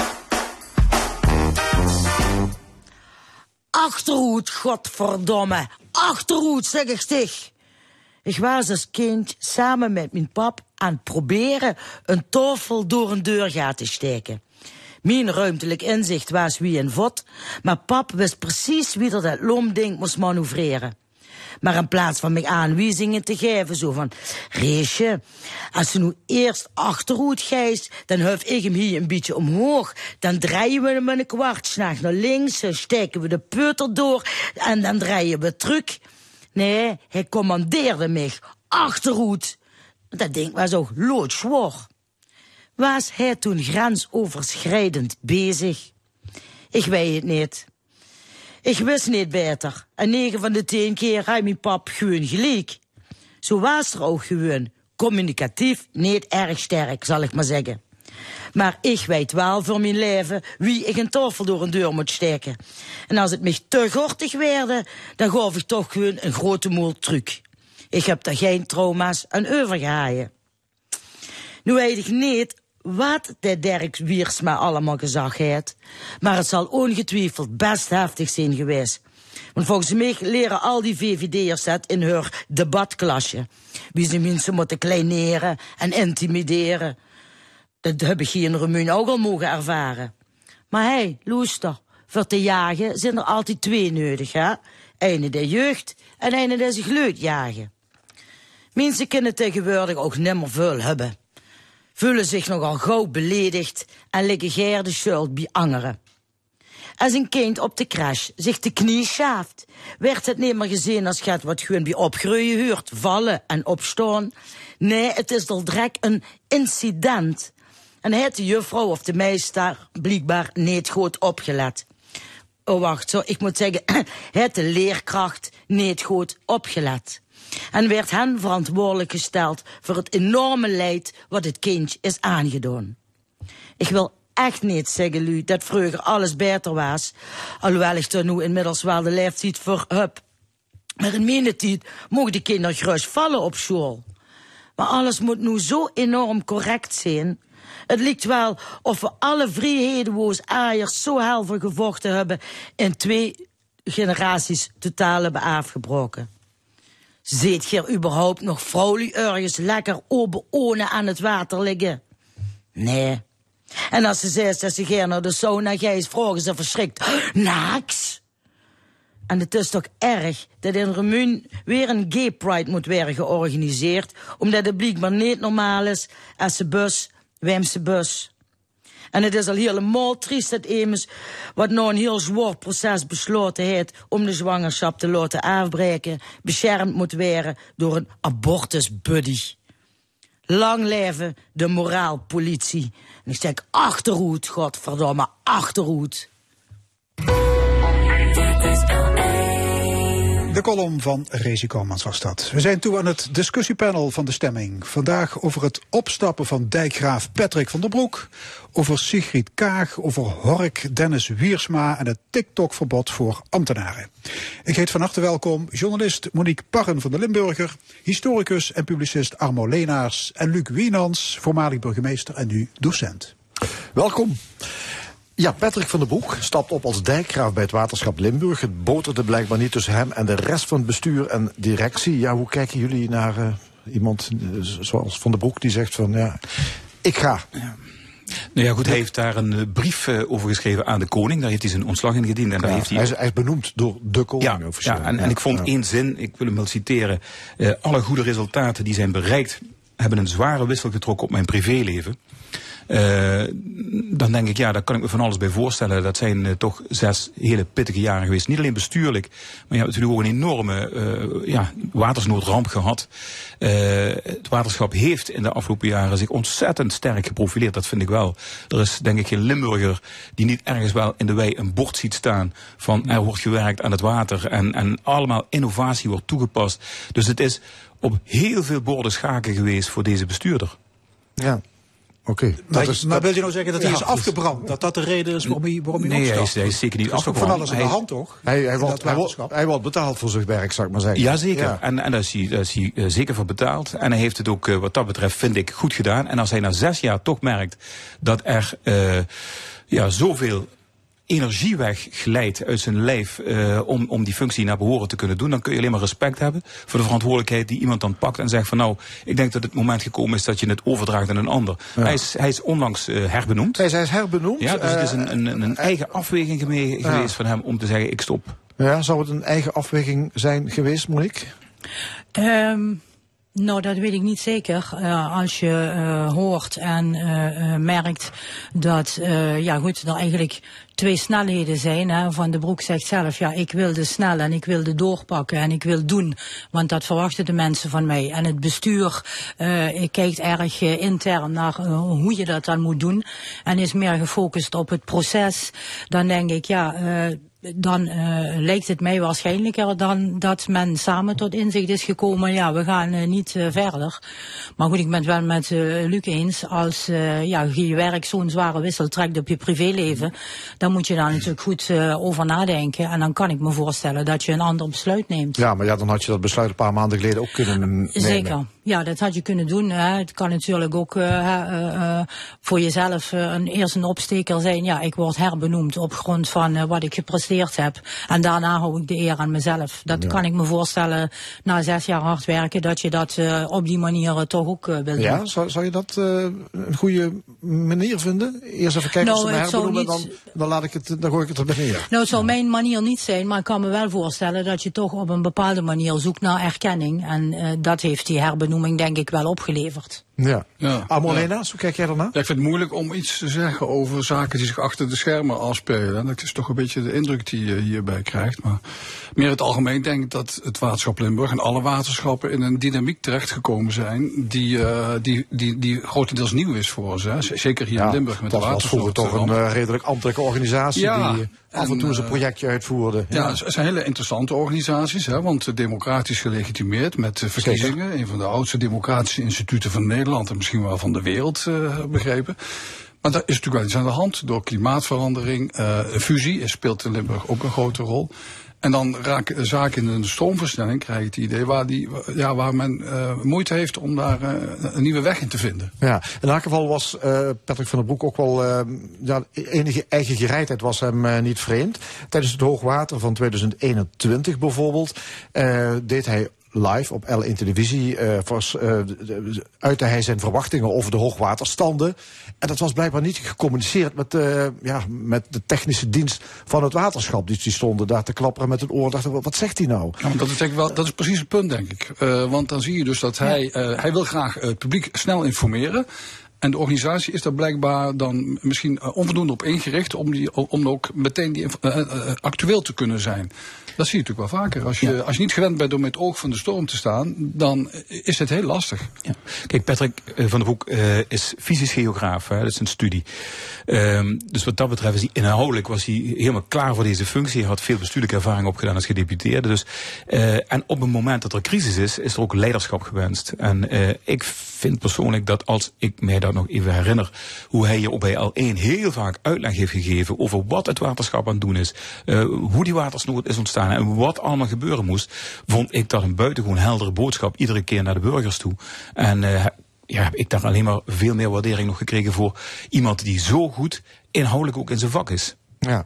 ja, de afgelopen verkiezingen, dat was wel erg rommelig bij het waterschap. Dat, ehm, ja. dat dagenlang duurde dat, hertellingen. En hè, er waren stemmen die waren weer kwijt en ergens anders terechtgekomen en dergelijke.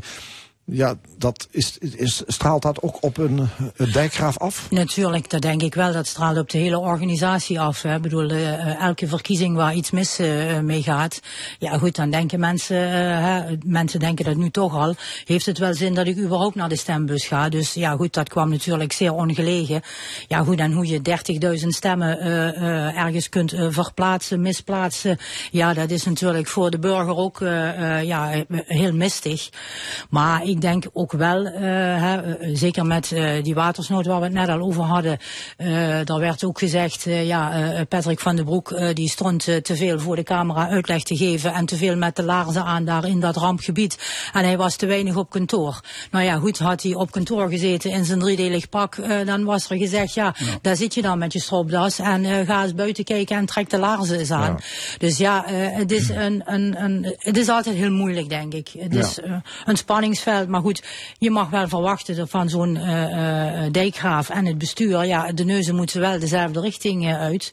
En ja, als dat niet kan, ja, dan heeft de burger daar last van. Ja, dat hoort natuurlijk ook niet zo te zijn. Ja, opvallend is dat het CDA, dat heet Waterbelang trouwens, in het waterschap. die pakken Van de Broek hard aan. Het is, het is een eigen partij, hè, want hij is van het CDA. Dat, wat, wat zou er aan, hoe zou dat kunnen, Lu- Luc? Ik heb geen idee. Ik heb geen idee wat daar zich heeft afgespeeld. Ik heb daar geen zicht op. Ehm kan er, ja, kan er Nee. niets over zeggen. Ik, ik weet ook niet precies waar je dat gezien hebt, maar... Ja. eh, Nou ja, ik las het in een van die eh, analyses. Ja, ja, ja oké. Nou. Ja, misschien is het wel goed om bij de zoektocht naar een nieuwe dijkgraaf eh, ook de uitslag van de verkiezingen in je achterhoofd te houden. Hè? Want Waterbelang, het vehikel van. CDA, heeft verloren. De burger BBB, BBB heeft flink gewonnen. Ja. Eh, Ja. Maar, maar schijnbaar is ook de ambtelijke top bij het waterschap dus blijkbaar heel machtig. Dus ja, wie durft hier te solliciteren?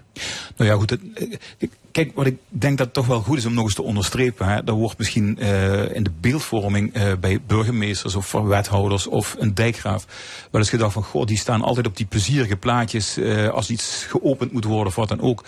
Maar ik wil toch nog eens heel duidelijk benadrukken dat het gaat om enorme verantwoordelijkheden die jou niet loslaten, ook niet in het weekend, ook niet s'nachts. Je bent er altijd mee bezig. Dus ik kan mij voorstellen dat de verantwoordelijkheid die je draagt, is gewoon zwaar. Dat voel je in je lijf. En dat is eigenlijk ook wat Patrick van den Broek in zijn brief schrijft. eh, dat het op een gegeven moment een afweging is en denkt van nou, het is genoeg geweest. Laat ik hier een punt zetten. Eh, ik kan met opgeheven hoofd terugkijken naar wat er eh, gemaakt is. eh, trots zijn en zeggen van nou, dat was het. Eh, maar ook weer vooruitkijken. En ik, ik, ik vind dat zeer te respecteren. Ja, zal het echt moeilijk worden om een eh, geschikte opvolger te vinden, gezien ja, het feit dat Van den Broek hier blijkbaar stuk gelopen is? Ik denk het wel. Het waterschap is natuurlijk eh, toch ook een orgaan dat eh, ver van de mensen afstaat. Hè. We zagen ook in de aanloop naar de verkiezingen dat ja, mensen hadden zoiets, eh, ja, ik ga niet stemmen, want ik zou niet weten waarop en ook niet wat dit instituut voor mij betekent. Dus ik denk eh, dat de nieuwe man of vrouw eh, dat heel erg duidelijk in de verf eh, moet zetten. Daar is wel behoefte aan, denk ik. Ja. En dan moet je toch van goede huizen komen. Ja, van de andere kant, ik denk wel dat het waterschap nu gezien wordt als een heel belangrijk instituut. Het is niet zo lang geleden dat, er gezegd werd, we, we schaffen ze wel af, we brengen het onder bij de provincie. Het is allemaal vergadergedoe en zo. En nou, daar zijn we wel voor teruggekomen inmiddels. Dus het is ook wel een hele mooie post om iets te laten zien. Goed. Minister van Financiën Sigrid Kaag die weet niet of ze nog lang moet doorgaan met haar politieke loopbaan. Dit vanwege een filmpje wil haar kinderen vertellen dat ze bang zijn dat hun moeder iets wordt aangedaan. Bijvoorbeeld slachtoffer wordt van een politieke moord. Wat vinden jullie? Ik begrijp haar wel. Monique ik begrijp, ja, ik begrijp dat zij eh, emotioneel werd om te beginnen van die, van die eh, oproep eh, van haar kinderen. Hè, mam, eh schei er mee uit, want eh, dit gaat zo eh, niet goed. Eh, en ik vind het ook wel heel erg eh, eh, jammer dat we ja, in dit land afgezakt zijn tot dit punt. Want of je nou voor de klas staat of stukjes schrijft zoals ik dat doe, of nou ja, in de politiek zit, of je nou minister of wethouder bent, ja, vroeg of laat krijg je met bedreigingen te maken.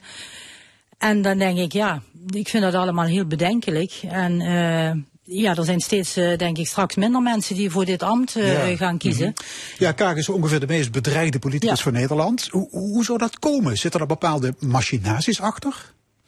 Nou, of het specifiek alleen over elkaar. We hebben natuurlijk ook Geert Wilders, die al eh, een leven lang bedreigd wordt in die politiek.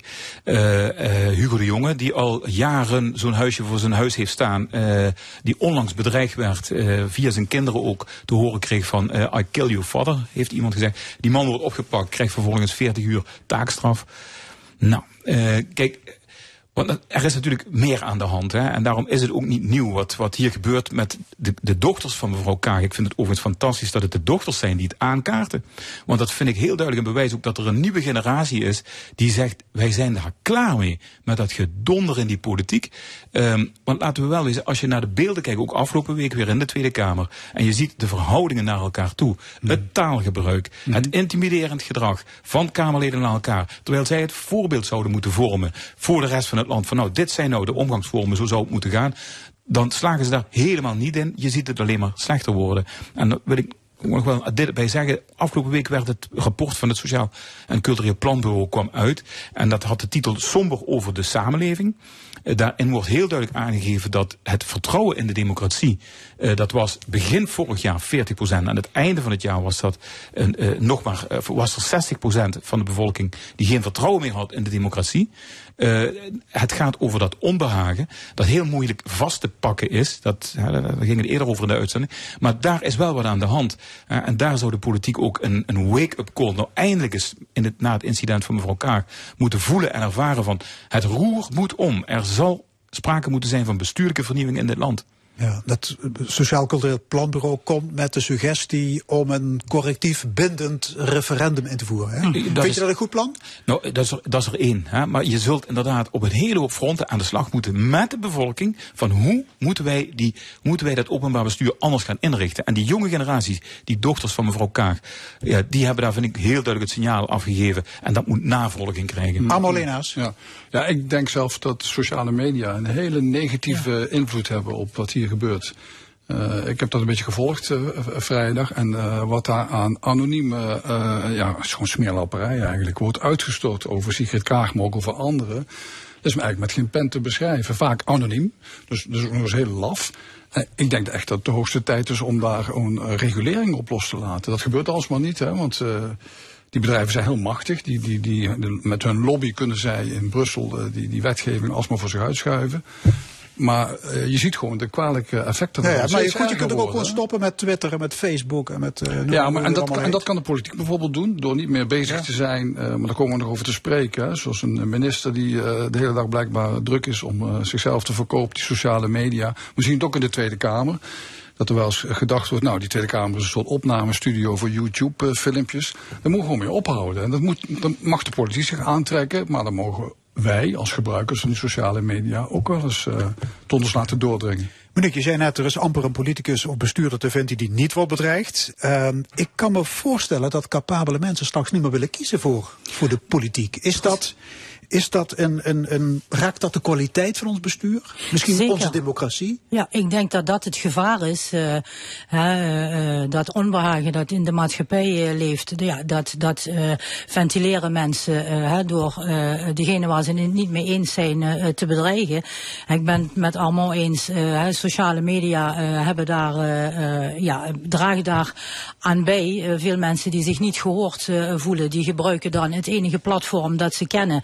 Eh, dat is dan Facebook of eh, Twitter eh, en slingeren van alles eh, de ruimte in.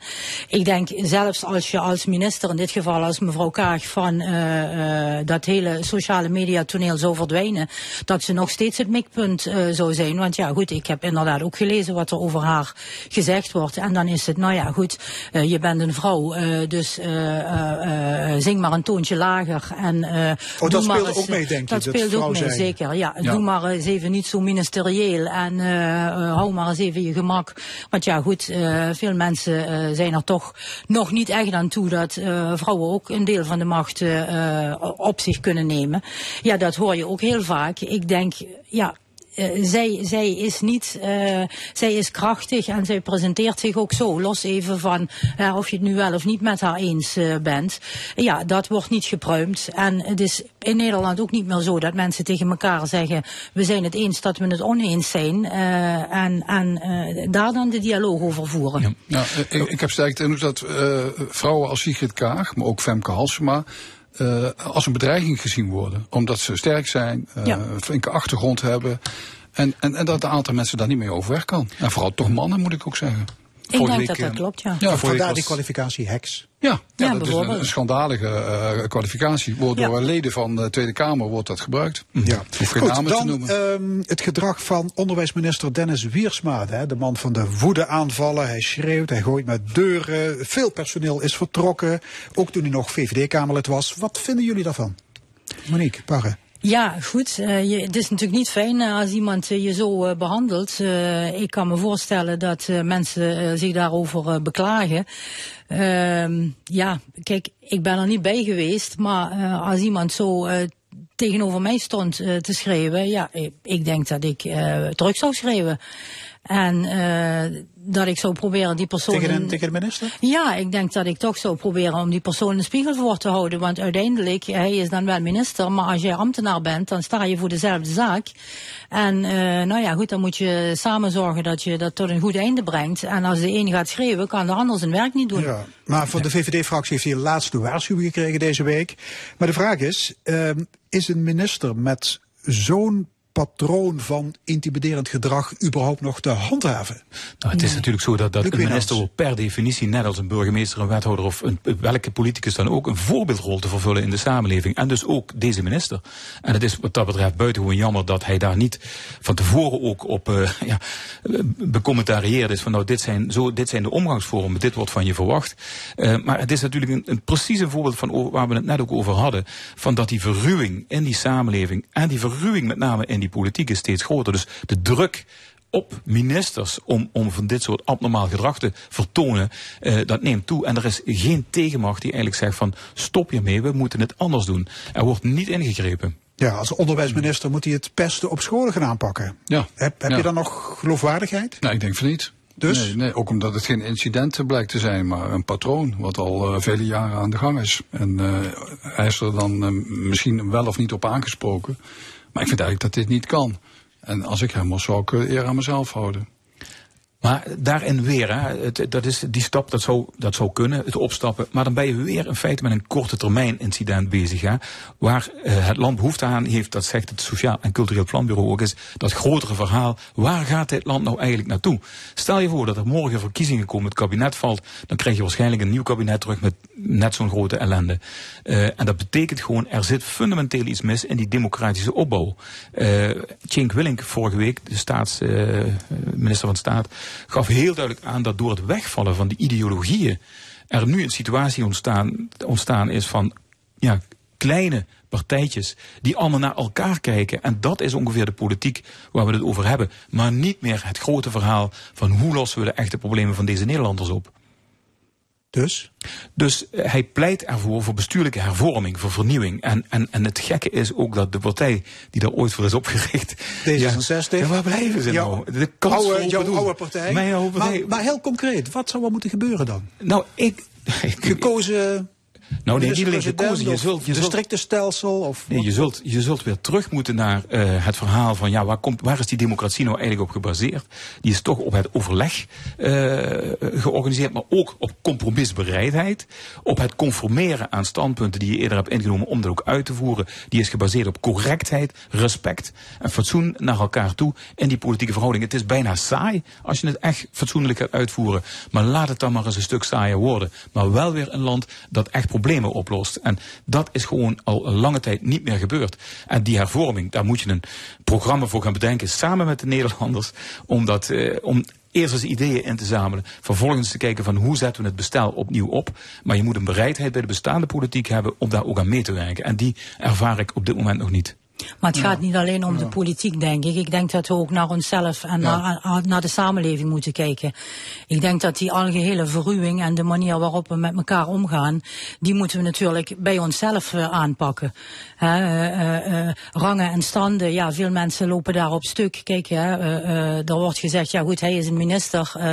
Ja, ik vind niet dat omdat je toevallig minister bent, of burgemeester of directeur bij een groot bedrijf, dat je dat het recht geeft om anderen uit te kafferen. Je je staat samen voor de zaak en je moet eh, eh, elkaar behoorlijk behandelen. En natuurlijk, onder druk eh, gebeuren wel eens dingen. Maar misschien moeten we daar veel meer naar kijken. De druk die de mensen eh, in de hedendaagse samenleving ervaren. Ja, er- we hebben steeds meer mensen die eh, afvallen, die een burn-out krijgen, die het niet meer vol kunnen houden. Er is kennelijk eh, fundamenteel ook met de samenleving iets eh, aan de gang. En daar moeten we ook naar kijken. Ja, daar ben ik het wel mee eens. Ja. Maar eh, ik denk ook wel in eh, het idee dat je eh, eh, een visie moet hebben over waar je naartoe wil hè, als samenleving. En daar hoeven we niet allemaal over eens te zijn. Je kunt verschillende eh, visies hebben. Maar dat je een ideaal hebt en dat je je ergens voor wil inzetten, dat is wel belangrijk. En Ja. eh, eh, de overheid is er niet alleen maar om, eh, om, om, om iets uit te betalen hè, of om iets eh, te regelen. Het is ook een, eh, een- een mechanisme om, om, om een betere samenleving te realiseren. En de uitdagingen die zijn, die zijn enorm. Als je kijkt naar, naar, naar klimaat, naar economie, naar eh, huisvesting, ehm, eh, zorg en vergrijzing. Nou, eh, een ongelooflijk eh, hoe- hoeveelheid eh, ja, grote problemen die om ons En afkomen. de kloof tussen, tussen arm en rijk. Ja. hè. Ik bedoel, Nou. we hebben bij de Limburger een, een serie gehad, eh, die had de naam Het Onbehagen. Ja, daarin hebben we dat proberen bloot te leggen. Maar je ziet steeds meer dat die kloof wordt steeds breder. Want de mensen kunnen, die, die aan de verkeerde kant van die kloof zitten, die kunnen toch al jaren niet meer aanhaken. En met de energiecrisis bijvoorbeeld is dat alleen nog maar moeilijker geworden. Dus we zullen ook eh, gewoon samen de handschoen moeten oppakken. Ja, soms zeg je ook wel eens van in die gekke coronatijd hè, is toen heel erg gepusht van spreek elkaar aan en anderhalve meter. En nou, dat heeft wat wakker gemaakt. Eh, vervolgens is iedereen elkaar gaan aanspreken, is er ook niet meer mee gestopt. Integendeel, niemand kijkt meer naar zichzelf. Van wat doe ik nou eigenlijk voor een gedrag? Eh, Wat, wat vertoon ik voor een gedrag? Eh, wat lok ik eigenlijk uit? Kan ik daar zelf iets aan doen? In plaats van men is blijven hangen en van we zullen elkaar eens blijven aanspreken. Nou, dat gaat voortdurend, in, of het nou in het verkeer gaat of in die voetbalstadions of wat je ook ziet. Dus er moet wat dat betreft, en dat bedoelde ik ook met dat voorbeeldgedrag van mensen die die posities pakken. En die samenleving, die directeur Ja. van dat bedrijf. En zo, pak je voorbeeld, laat zien dat het anders kan. En heb dat verhaal naar buiten toe, waar mensen door geïnspireerd worden van hé, hey, er is ook een andere wereld mogelijk. Ja, rolmodellen zijn heel belangrijk, inderdaad. Dat klopt. Ja. Ja, iets anders. TikTok. Ambtenaren van de provincie die mogen op hun werktelefoon voortaan geen eh, TikTok meer eh, hebben. Eh, ook Gulpen Wittem, de gemeente, heeft zo'n verbod voor deze app. Ik weet niet, is er hier aan tafel iemand die TikTokt? Ik ben geen TikToker. Nee, TikToker absoluut- absoluut ook niet. Luc, jij staat voor de klas. Ja, ik hoor Al leerlingen TikTokken natuurlijk. Ja, die maken ook filmpjes en ik weet niet Ja. waarom. Ik, maar nee, het zegt mij eigenlijk niet, niet veel. Dat Nee. zeg je helemaal niks. Nee. nee. Begrijpen jullie dat eh, ja, de overheid langzaam maar zeker zegt van stoppen daarmee op die werktelefoons althans, hè? Ja, natuurlijk. van de provincie niet. Ja, natuurlijk. Dat, dat heeft toch ook niks met je werk te maken. Alhoewel er ook mensen zijn die zeggen, ja, maar dat is de enige manier om jongeren te bereiken. Want eh krant lezen doen ze niet en eh, NOS kijken ook niet. Dus eh, TikTok, dat is de manier. Dat is dan wel de foute manier, denk ik bij mezelf. Maar Amor zei net ook al volgens mij een beetje over die sociale media Mhm. en, en alles wat daarin gebeurt. Het is natuurlijk toch een beetje een open riool aan het worden. Ja. Eh, dat het toch nodig wordt en, en, en zal zijn om die anonimiteit bijvoorbeeld uit social media weg te halen. Ja. Eh, zodat het eindelijk helder op wordt wie wat daarin doet. Eh, Maar dit gaat natuurlijk ergens anders Dit gaat over, over de diepere bron, zeg maar, over China enzovoort. Dit gaat over spionage en over het verzamelen van data. En dat zou ergens in China weer terechtkomen en tegen ons gebruikt kunnen worden. Is het reëel of zien we misschien een enorm spook? Nou, er zal, eh, of het nou echt een spook is, dat denk ik ook niet. Maar ja, ik, ik ben het wel met allemaal eens. Als je eh, dit gebruikt op je werktelefoon, daar zou ik als werkgever ook niet blij eh, mee zijn. Dus wat je privé daarmee doet, ja, dat lijkt me dat dat je eigen zaak is. Maar ik zou me er zelf niet comfortabel bij voelen als ik dat bijvoorbeeld op de telefoon van mijn werkgever zou doen. Sociale media als Twitter of Facebook, waarin je bijvoorbeeld probeert om je bedrijf of wat je doet onder de aandacht te brengen. Ja, ook daar moet je voorzichtig mee zijn. Maar ja, van TikTok is natuurlijk wel toch eh, wordt in ieder geval algemeen aangenomen dat daar inderdaad een diepere bron eh, onder zit eh, die het niet echt helemaal goed eh, voor heeft met eh, de gebruikers. Dus ik zou daar wel voorzichtig mee zijn. Dus Ja. ik snap het. Ja, zou de Rijksoverheid niet gewoon alle ambtenaren in Nederland moeten verbieden om die, om die app op de telefoon te hebben? Want Nou, ik zou zeggen, koop een, schaf een te- privételefoon aan en doe je dan lekker wat je zelf wil. Ja. ja, Ja, En, en leer jongeren omgaan met die sociale media. Ik begrijp dat je ze niet kunt verbieden. Maar eh, mediawijsheid, eh, van- v- vertel nou eens hoe dat, wat, wat het achterliggende systeem is, eh, hoe dat tot polariserende discussies kan leiden, dat zou ook wel op zijn plaats zijn. Maar het is natuurlijk lastig, hè, want ehm, ja, het is allemaal heel snel, heeft zich dat ontwikkeld. Eh, veel, eh, veel mensen zijn daar enorm naïef in, is mijn indruk. Dat is ook zo. En er zit ook een generatieverschil in. Dat merk je ook zeker op school. Als ik naar mezelf kijk. Kijk, al die leerlingen hebben die mobiel de hele dag in de hand. In de klas moet je iedere keer controleren dat die ook echt weg is. Opgeborgen wordt in dat zakje bij de deur. Eh, maar dan nog, het is onvoorstelbaar hoe die kinderen beheerst worden. Het lijkt wel een soort afstandsbediening die ze zelf in de hand houden. Waarmee ze gestuurd worden. Ja, want ja, en, wat TikTok betreft, los van spionage of data eh, eh, in verzamelen, eh, kan TikTok, sociale media natuurlijk ook gebruikt worden, juist voor het verspreiden van desinformatie, eh, propaganda, beïnvloeding. Ja, als dat vanuit China of welk ander land op ons afkomt, eh, zit natuurlijk ook een groot gevaar in. Delen jullie die zorg? Nou, ik denk wel dat, ehm, nou laat ik andersom beginnen. Eh, bij de opkomst van sociale media hè, waren eh, bijvoorbeeld kranten, nieuwsmedia, waren heel erg bezorgd en dachten ja, dat gaat onze broodwinning overnemen. Maar in feite is nu gebleken dat het ons eigenlijk in de kaart speelt, omdat naarmate het verspreiden van desinformatie toeneemt, steeds meer mensen behoefte hebben aan echt nieuws dat gewoon gecheckt is. Ja. Kijk, eh, nou ja, goed, wij doen dat als kranten eh, natuurlijk. Eh, jullie doen dat op jullie medium. De- doordat er zoveel eh, te vinden is, Zeker. is juist nieuws wat, Ja, het echte nieuws, dat, wat- dat waar een heeft... stempel onder staat, zou ik maar zeggen. Ja, dat, heeft meer, meer waarde gekregen. Dus in die zin denk ik dat je, dat je ook daar wel een schifting ziet. Mensen die zeggen, ja nee, ik, ik kijk niet naar het journaal of ik hoef geen krantenabonnement of noem het maar op. Want ik haal mijn nieuws van Facebook of eh, eh, van eh, Twitter. Of van Ja, GTP. Ja, Ja, ook ja, eh, precies. Nou ja, die mensen die eh, ja, komen straks toch van een koude kermis thuis. Want eh, ja, die zullen niet van de hoed en de rand weten. En die zullen wellicht gevoelig zijn ook voor die desinformatie. En dat is natuurlijk wel het gevaar. Ja. Nou, dat is sterker nog, dat, ik denk dat bedreigt gewoon onze samenleving. hè. We hebben het al gezien bij de verkiezing van Donald Trump, eh, maar eerder ook. Dat, eh, ja, dat, dat gewoon verhalen rondgaan die, wa- waar niks van deugt. Hartelijk dank, discussiepanel. Vandaag met Monique Parren, Armo Leenaars en Luc Wienans. Dit was de stemming, vandaag gemaakt door Perry Eurlings, Fons Geraas en Frank Ruber. Graag tot volgende week zondag, 11 uur. En ja, dit programma is na te luisteren op onze website l1.nl en ook via podcast. Zometeen op deze zender een uurtje non-stop muziek en daarna L1 Sport. Nog een mooie zondag.